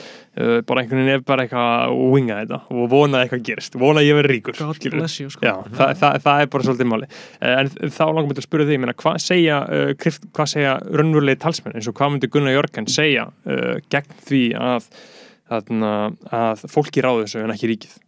Mhm. hver, hver, hver er mótrökin gegn því sem þú til segja af því ég er ekki með þau, sko ég ætla ekki að þykjast hafa þau það, veist, þetta er þetta kannski er ósengjart að branda þetta sem, veist, anarkista pitchið, Mhm. en það segja basically, veist, anarkistarnir vilja, veist, að Já. það sé anarkismi, skiluru, og Einmitt. hérna og þá, þá, þá, ég veit ekki, þú veist, pitchið mitt á móti er kannski pínu svona frumskóla ámalið, skiluru, og auðsöfnin verður þá bara unchecked, Já, Mhm. að þeir sem eru flottir og geta og eiga, að þeir munu Mhm. eignast meira einmitt, og það er engin ríkisjóður sem getur með progressive tax, þú veist skattheimtu sem er, þú veist, að reyna að halda aftur af að vinda ofan af ójöfniði, sko. Já. Þú veist, það er the key aspect í peningum. Peningarnir eru stjórntæki Já. með líðræðislegt mandate. einmitt, Þú veist, og viljum við taka það allt. Ég, ég bara, mér finnst að Bitcoin fólki þurfa að fara að svara fyrir þetta. Mhm. Já, sem er svona þessi maximalistar. Já. Svo er alveg fólk sem er bara eitthvað, þetta er ekki að dæma on the side. Já, Og þetta bara parar mjög vel við ég- Og við þurfum að búa til eitthvað brýr á milli sem að brúa, þú veist, Fiat og krypto heiminn og, mhm, og vera með eitthvað svona stablecoins sem eru, þú veist, denominataðir í Fiat til að fólk geti til að smyrja svona eitthvað svona transaction sem getur verið snjallar og með eitthvað smart contracts og eitthvað svona Já, Mhm. ég hef engan, enga trú á því heldur en ok, það er það annað pitch Já, það er annað Já. Einmitt Já, þá er svolítið bara fólk on their own að fjárfesta í ykkur slíkum tækifærum og já, kannski raungirist það og svolítið, þú veist Mhm. maður það líka að passa sér svolítið, þú veist að hérna, ég veði það á hérna, á, áhrifalda og, og, og þú veist það fór þú veist, eins og það fór skiluru og, Mhm. og maður þarf að búið til sveirum fyrir fólk til þess að veðja á hluti skiluru, Mhm. ég kannski ég kannski svona geta alveg tekið undir þessi sjálfstæðarflokkurinn er að segja skiluru, þú veist, meðum ekki bara banna allt sem lítur ill út en Mhm. þú veist, einhverjum tímpúti þurfum að fara að koma í kröfunar inn skiluru, að því að þú veist, þetta er að nota mjög mikið raforku í heiminum og slíkt sko. Mhm. Þarna kemur bara þessi balans já, já, já, já. og ég er svolítið að fara að segja, hei, klukkan er að tefa við höfum ekki mikið tíma, eða þið hefði ekki mikið tíma til að sanna þetta, því þú veist, það komin auka pressa út af þessu mæning disasteri sem eru basically náttúruspjöld, sko Mhm. Sko, já, ég veit ekki hvernig það þróast en ég held að við munum eftir svona tvö ár getum við hlustað þetta samtal og við erum bara eitthvað þetta er fyndið að heyra þetta núna skilur, þú veist Já. að það muni bara eitthvað raunverulega eitthvað að gerast og einhverjar Já. fleiri breytingar, þú veist, þetta muni halda áfram að vera svolítið svona þannig að maður bara eh, segi það bara dis, disruptive fyrir kerfið skilur, þetta er svona bara svona inn í, inn í sjóndeldarhingnum bara svona aðeins að trubla skilur, ég held að það, það geti gerst sko. Já, nákvæmlega. en a- Eða þetta verður eins og með micromobility sem ég spáði fyrir og maður bara harrið já, já, Örflæðið. Ég Einmitt. talsmaður örflæðisins sko, Ég líka, ég líka. Í, í samvikið við það, þá er það sko uh, loka eða allan eitt þema sem ég vil uh, koma inn á hérna sem eru sem er það að man, mannkinni sé að uh, ganga frá plánutinni Já, er það ekki 2050 sem að uh, sem allt er fókt eða? Ég veit ekki, eða ekki Er það ekki einhver, einhver dagsending sem við mögum tala þú um? veist, 29 ár það er endalast að hann er Þá voru við búin að hækka um einhver eina gráðu og þá voru komið 1 miljard manns sem þarf að finna sinni í þeifili Já, nýja deli bara 57 gráður já, Já, það verður gaman Topp dæmi, já sko. uh, og ég meina, hvað hva er Ísland að gera þessu, Jökull? Veist þú það? ég, ég er alveg aðeins búin að setja minn í svona lofslagsmarkmiðin okkar dót sko. já, Það er, ég er búin að skoða samgöngur og orkuskiptin ég er svolítið gaggrinn á hvernig það er útfært sko. við erum bara draga slangt aftur á Nóri Já Nóri eru að geta miklu betur sko. mhm. Orkuskipti, uh, hvað er að tala um þar? hætt að flytja inn olju þannig að Aha. við séum með tæki og vegum sem að ganga fyrir innlendum orkugjöfum Mhm. sem er alltaf bara rafbílavæðingin basically sko. Já, Já. sem að byrjar í smábílum og fer svo í jeppa og fer svo í atvinnutæki og flutningabíla og það er að gerast mjög hratt sko. já, einmitt, ég, ég sá, ég mann svona mím, það er svona tveir gauðir sem sitja uh, við svona borð á svona fjölmiðafundi og svona einn mæk á einum og síðan eru þúsund mæk á einum Mhm. og það er einn mæk á gæðanum sem er að tala um almenningssamgöngur og borgarínu og allt þetta uh, og, og síðan eru þúsund mækarnir á gauðin sem er að tala um Teslir og rafbíla skilur. skemmtilega þegar þetta eru geggjaði bílar skilur Já. þá er heillar þetta svolítið að ég veit ekki, hvað maður að fara niður þessu götu, en þú veist, heilla kjósendur náttúrulega, þú veist, að fá afslátt á Tesla, skilur þú veist, og ég er að segja svolítið svona ok, við þurfum aðeins að passa okkur hann Þa, það er ekki endilega á listnin af því að við viljum náttúrulega líka bara fækka bílum á göttunni Já, nákvæmlega, ég hef verið að segja að þú veist, þú ert með hérna stapla af, af, af bílum sem er í flotanum, nýjustu Mhm. bílarnir eru efst uppi og elstu bílarnir sem menga ógstlega mikið eru neðst niðri. Mhm. og neðst niðri, þú veist að ef, efnahæðurinn er góður þá, þá og heimilin hafa það gott, þú veist, í uppsveiflinni þá, fer, þá eru þið líklega til þess að farga bílunum neðst niðri og kaupa sér nýjan bíl efst uppi eða fara inn og nota, nota bílamarkaðan og, og veist, og staplin byrjar svona að mjakast mhm. með rætt sko og hann stækkar jafnvel þess að fólk ekki sé bæta við sér fleiri bílum sko. Já, Já. svo í kreppu þá, þá gerist það hverju dögut snaplinn sjálfur fyrir að minka eh, við förum oftar með bíla í viðgerð skilur við að halda þeim á lífi í 2-3 ári viðbót og þessu algjöru skrjóðar og fólk kaupir ekki eins mikið nýjum bílum það sem að orkuskipta stefnan okkar hefur gengið út á er, er að vera með ívillanir sem eru mjög rausnarlegar efst uppi fyrir rafbíla. Mhm. sem er, þú veist, ekki eina leiðin. Ég er að segja, þú veist, þú getur líka greitt fyrir hraðari förgun neðri, sagt, þú veist, ef þú átt dísilbíl sem mengar óslega mikið, þú getur fengið með 20 skatt fyrir farganum, getur kannski fengið 200 skatt fyrir farganum, Já. ef þú kaupið þér bíl, sem- smábíl sem mengar minna er rafhjóla eitthvað slíkt. Já. þú veist, það- það- þetta þetta hægt að gera svo margar aðgerðir og það er svona fæntjúna þetta allt þetta system þess að stuðla orkuskiptum. Einmitt, og eins og þú veist að segja, þú veist að fara í kannski ekki bílana, eitthvað sem er Já. ekki bíl skilur einmitt. Uh, já, það meikar freka mikið sens að sko um, vinna, vinna á báðum endum Já, og skilur við bara svolítið að, þú veist, bara búa til svo, svolítið svona heldstæða útfærsla á því hvernig, e, þú veist, við stöðlum á orkuskiptum á öllum stöðum, skilur við, þú veist, Já. ekki bara einmitt eitthvað, þú veist, þannig að þessu testur í Garðabæði, skilur við, sem er bara fínt, ég er ekkert að móti því, þetta er drull, sko, og en bara líka að, skilur við, raf hjól, að, að þar sé bara fældinu skattur eða eitthvað, skilur við. Einmitt. það Já. var fínt múf sko Já, en þannig að svo er eitt viðbót sem er pínu svona glaring omission í þessum orkuskiptum er að hérna álugur og eldsneiti eru mjög háar og það er að tala um að hækka kolumnis gældi jafnvel sko. Margir að tala um það sko. þá hækka, hækkar sko álægið á bensindælinu en það meira Já. Mhm. hverjir eru þar, þú veist, það er fólkið í, í hérna, miðju tekja tíundunum og næstu tekja tíundunum Já. notum bílum þau eru að borga bara bílað álag á já. og meðan að fólk að Já, þannig að við erum komið með eitthvað svona systema sem sumir menga og sumir ekki og, verið, Akkurat. og svo er alltaf margir að höfðlega samvinsku fólk og segja, hei, okkur færður ekki rafbíl og maður er bara, ég get ekki keift mér Já. fyrir rafbíl þeir eru gett dýrir og ég er, já, þannig að þú veist þetta er frekar aggressive taxation á villins að, þú veist, sem er Já. mjög Já. ósengjart þess mér, sko það gerst allir í Fraklandi með gulu vestin þannig að spratt allt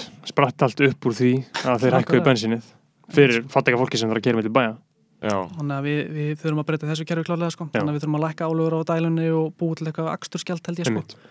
Ég held að sé bæði við verða að skoða það, sko. En þannig að ég hlægt alveg útfæslan að því, sko. Að því að minna, er því ekki svolítið mál, það skiptir svolítið miklu máli hver er hver er hvaða hagsmunum sá aðili er að berjast sem er að setja þessar ívillinanir og þessar reglur. Þú veist, Jú, ef þetta er einhver í sjálfstæðisflokknum þá er hann að fara að gera þetta þannig að þetta verði við erum að fara að hætta að menga og það verður betra fyrir ríka fólkið. Já. en ef þetta er einhver í sjálfstæðisflokknum þá er hann að fara að gera þetta öfugt, en það ekki? Alveg klárlega, sko. Og bara Mm. Þannig þetta að- lendi jamt á öllum ef ekki þetta sé bara jöfnunartæki. Já, og það er pínulítið svona climate justice dæmi skilur og allt þetta loftslagstir réttlæti. Getur við ekki tekið þetta bara ennþá lengra? Sagt bara loftslagsmálin eru bara tækifæri til þess að auka jöfnið ég uh, hugsa líka sko að dót Góð, góður svona farfiður fyrir einhvers konar uh, svona tegund af byltingu í Já. þessu. Að, Klárlega, að því að menna, það er nú 30 ár eftir Já. fólk er eitthvað börn skilji Já, já, ég, ég mitt, það sem ég hugsa líka er sko, þú veist, sem er alltaf bara mjög gömul spurning er hvort orku skiptir sér nóg, hvort að það sé ekki bara neyslu menningin sem þarf einhvern veginn að gera út af við, en það er bara svo ógæðslega flókið, það Ekki er bara, þú veist, þú getur ekki, getur ekki bara banna jólagjafir, skilur, vitið þið hvað er gefið í jólagjafirna á Íslandi eða, þú veist, bara Mhm. jólagjafirnar, ég held að það séu aðalvandamálið, sko, Mhm. þú veist, bara pakkarnir og græjurnar og tækin og maturinn og drikkinir og fucking plastið og geðsíkin ég, ég held að það þyrfti bara smá sko, uh, svona doktrin og smá áróður gegn neyslu. Já, ég er Uh, alveg í sammála þessu en tjekkja á þessu, þú veist, við erum að flytja út ál og fisk Mhm. og flytjum inn olíu og bíla. Þú veist, þið skoðið, þú veist, hvað flytjum við og hvað flytjum við út. Mhm. þá er þetta bara svona, búm vinstur og hægri megin eru bara tvei risastóri kuppar bara flytjum inn ógeðslega mikið af bílum, ógeðslega mikið elsnæti til, til að knýja á í vegasamgangum og losun og vegum er bara stærsti staki liður á óbyrð stjórnvalda. Já. það búið mínus að fara á stóriðu, skilur, ok. Og, og hinn er megin eru að flytja út, þú veist, eitthvað. Þannig að þú veist, neyslan okkar er rosalega mikið í samgangum Já, og já. losunin er rosalega mikið á vegum. Þetta skiptir verulegu máli. Þannig að þetta er low hanging fruit Já, í einmitt. loftslagsbartunum fyrir Íslandinga já, og neyslu minnstrið auðvitað líka allt þetta en þú veist, við þurfum að tekla þetta mjög effektivli sko. og ekki þannig að fólk verið brjála að fara á dæluna og ég er, ég er í þessari tekjutíund og þá bara, ok, veist, þetta verður að vera réttlátt annars, annars backfærir þetta, Einmitt, ekki þannig að þetta komi niður af fólkinu sem að uh, má ekki við því nákvæmlega. Við viljum frekar taka sko, uh, bensana og einhverþóttunar og það kemst það sko. Eat the rich, sko, klálega, sko. Já. það er Algjörlega.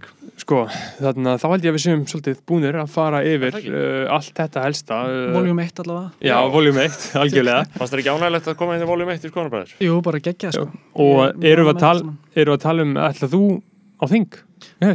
Nei, ég er bara aktivistinn í, í hérna, sosialistum, sko. Já, þú sér ekki fram á myndir ekki vilja, uh, láta til þín taka? Ekki þetta kjörtíðanbel, sko. Nei, ég er hérna að- aðeins og nýri ennþá, sko já, en hérna, ætla bara að skrifa fleiri status á Facebook, sko fá fleiri like, sko, því komið fleiri like þá kannski fyrir að þing, sko Já.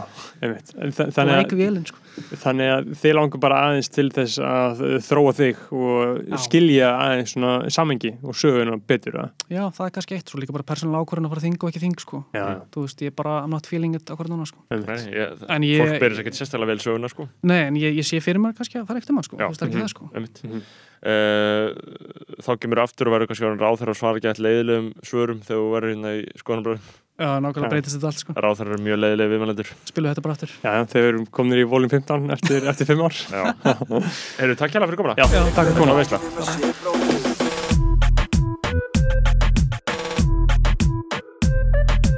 Fyrir hver að bakið nema sé bróðir eigi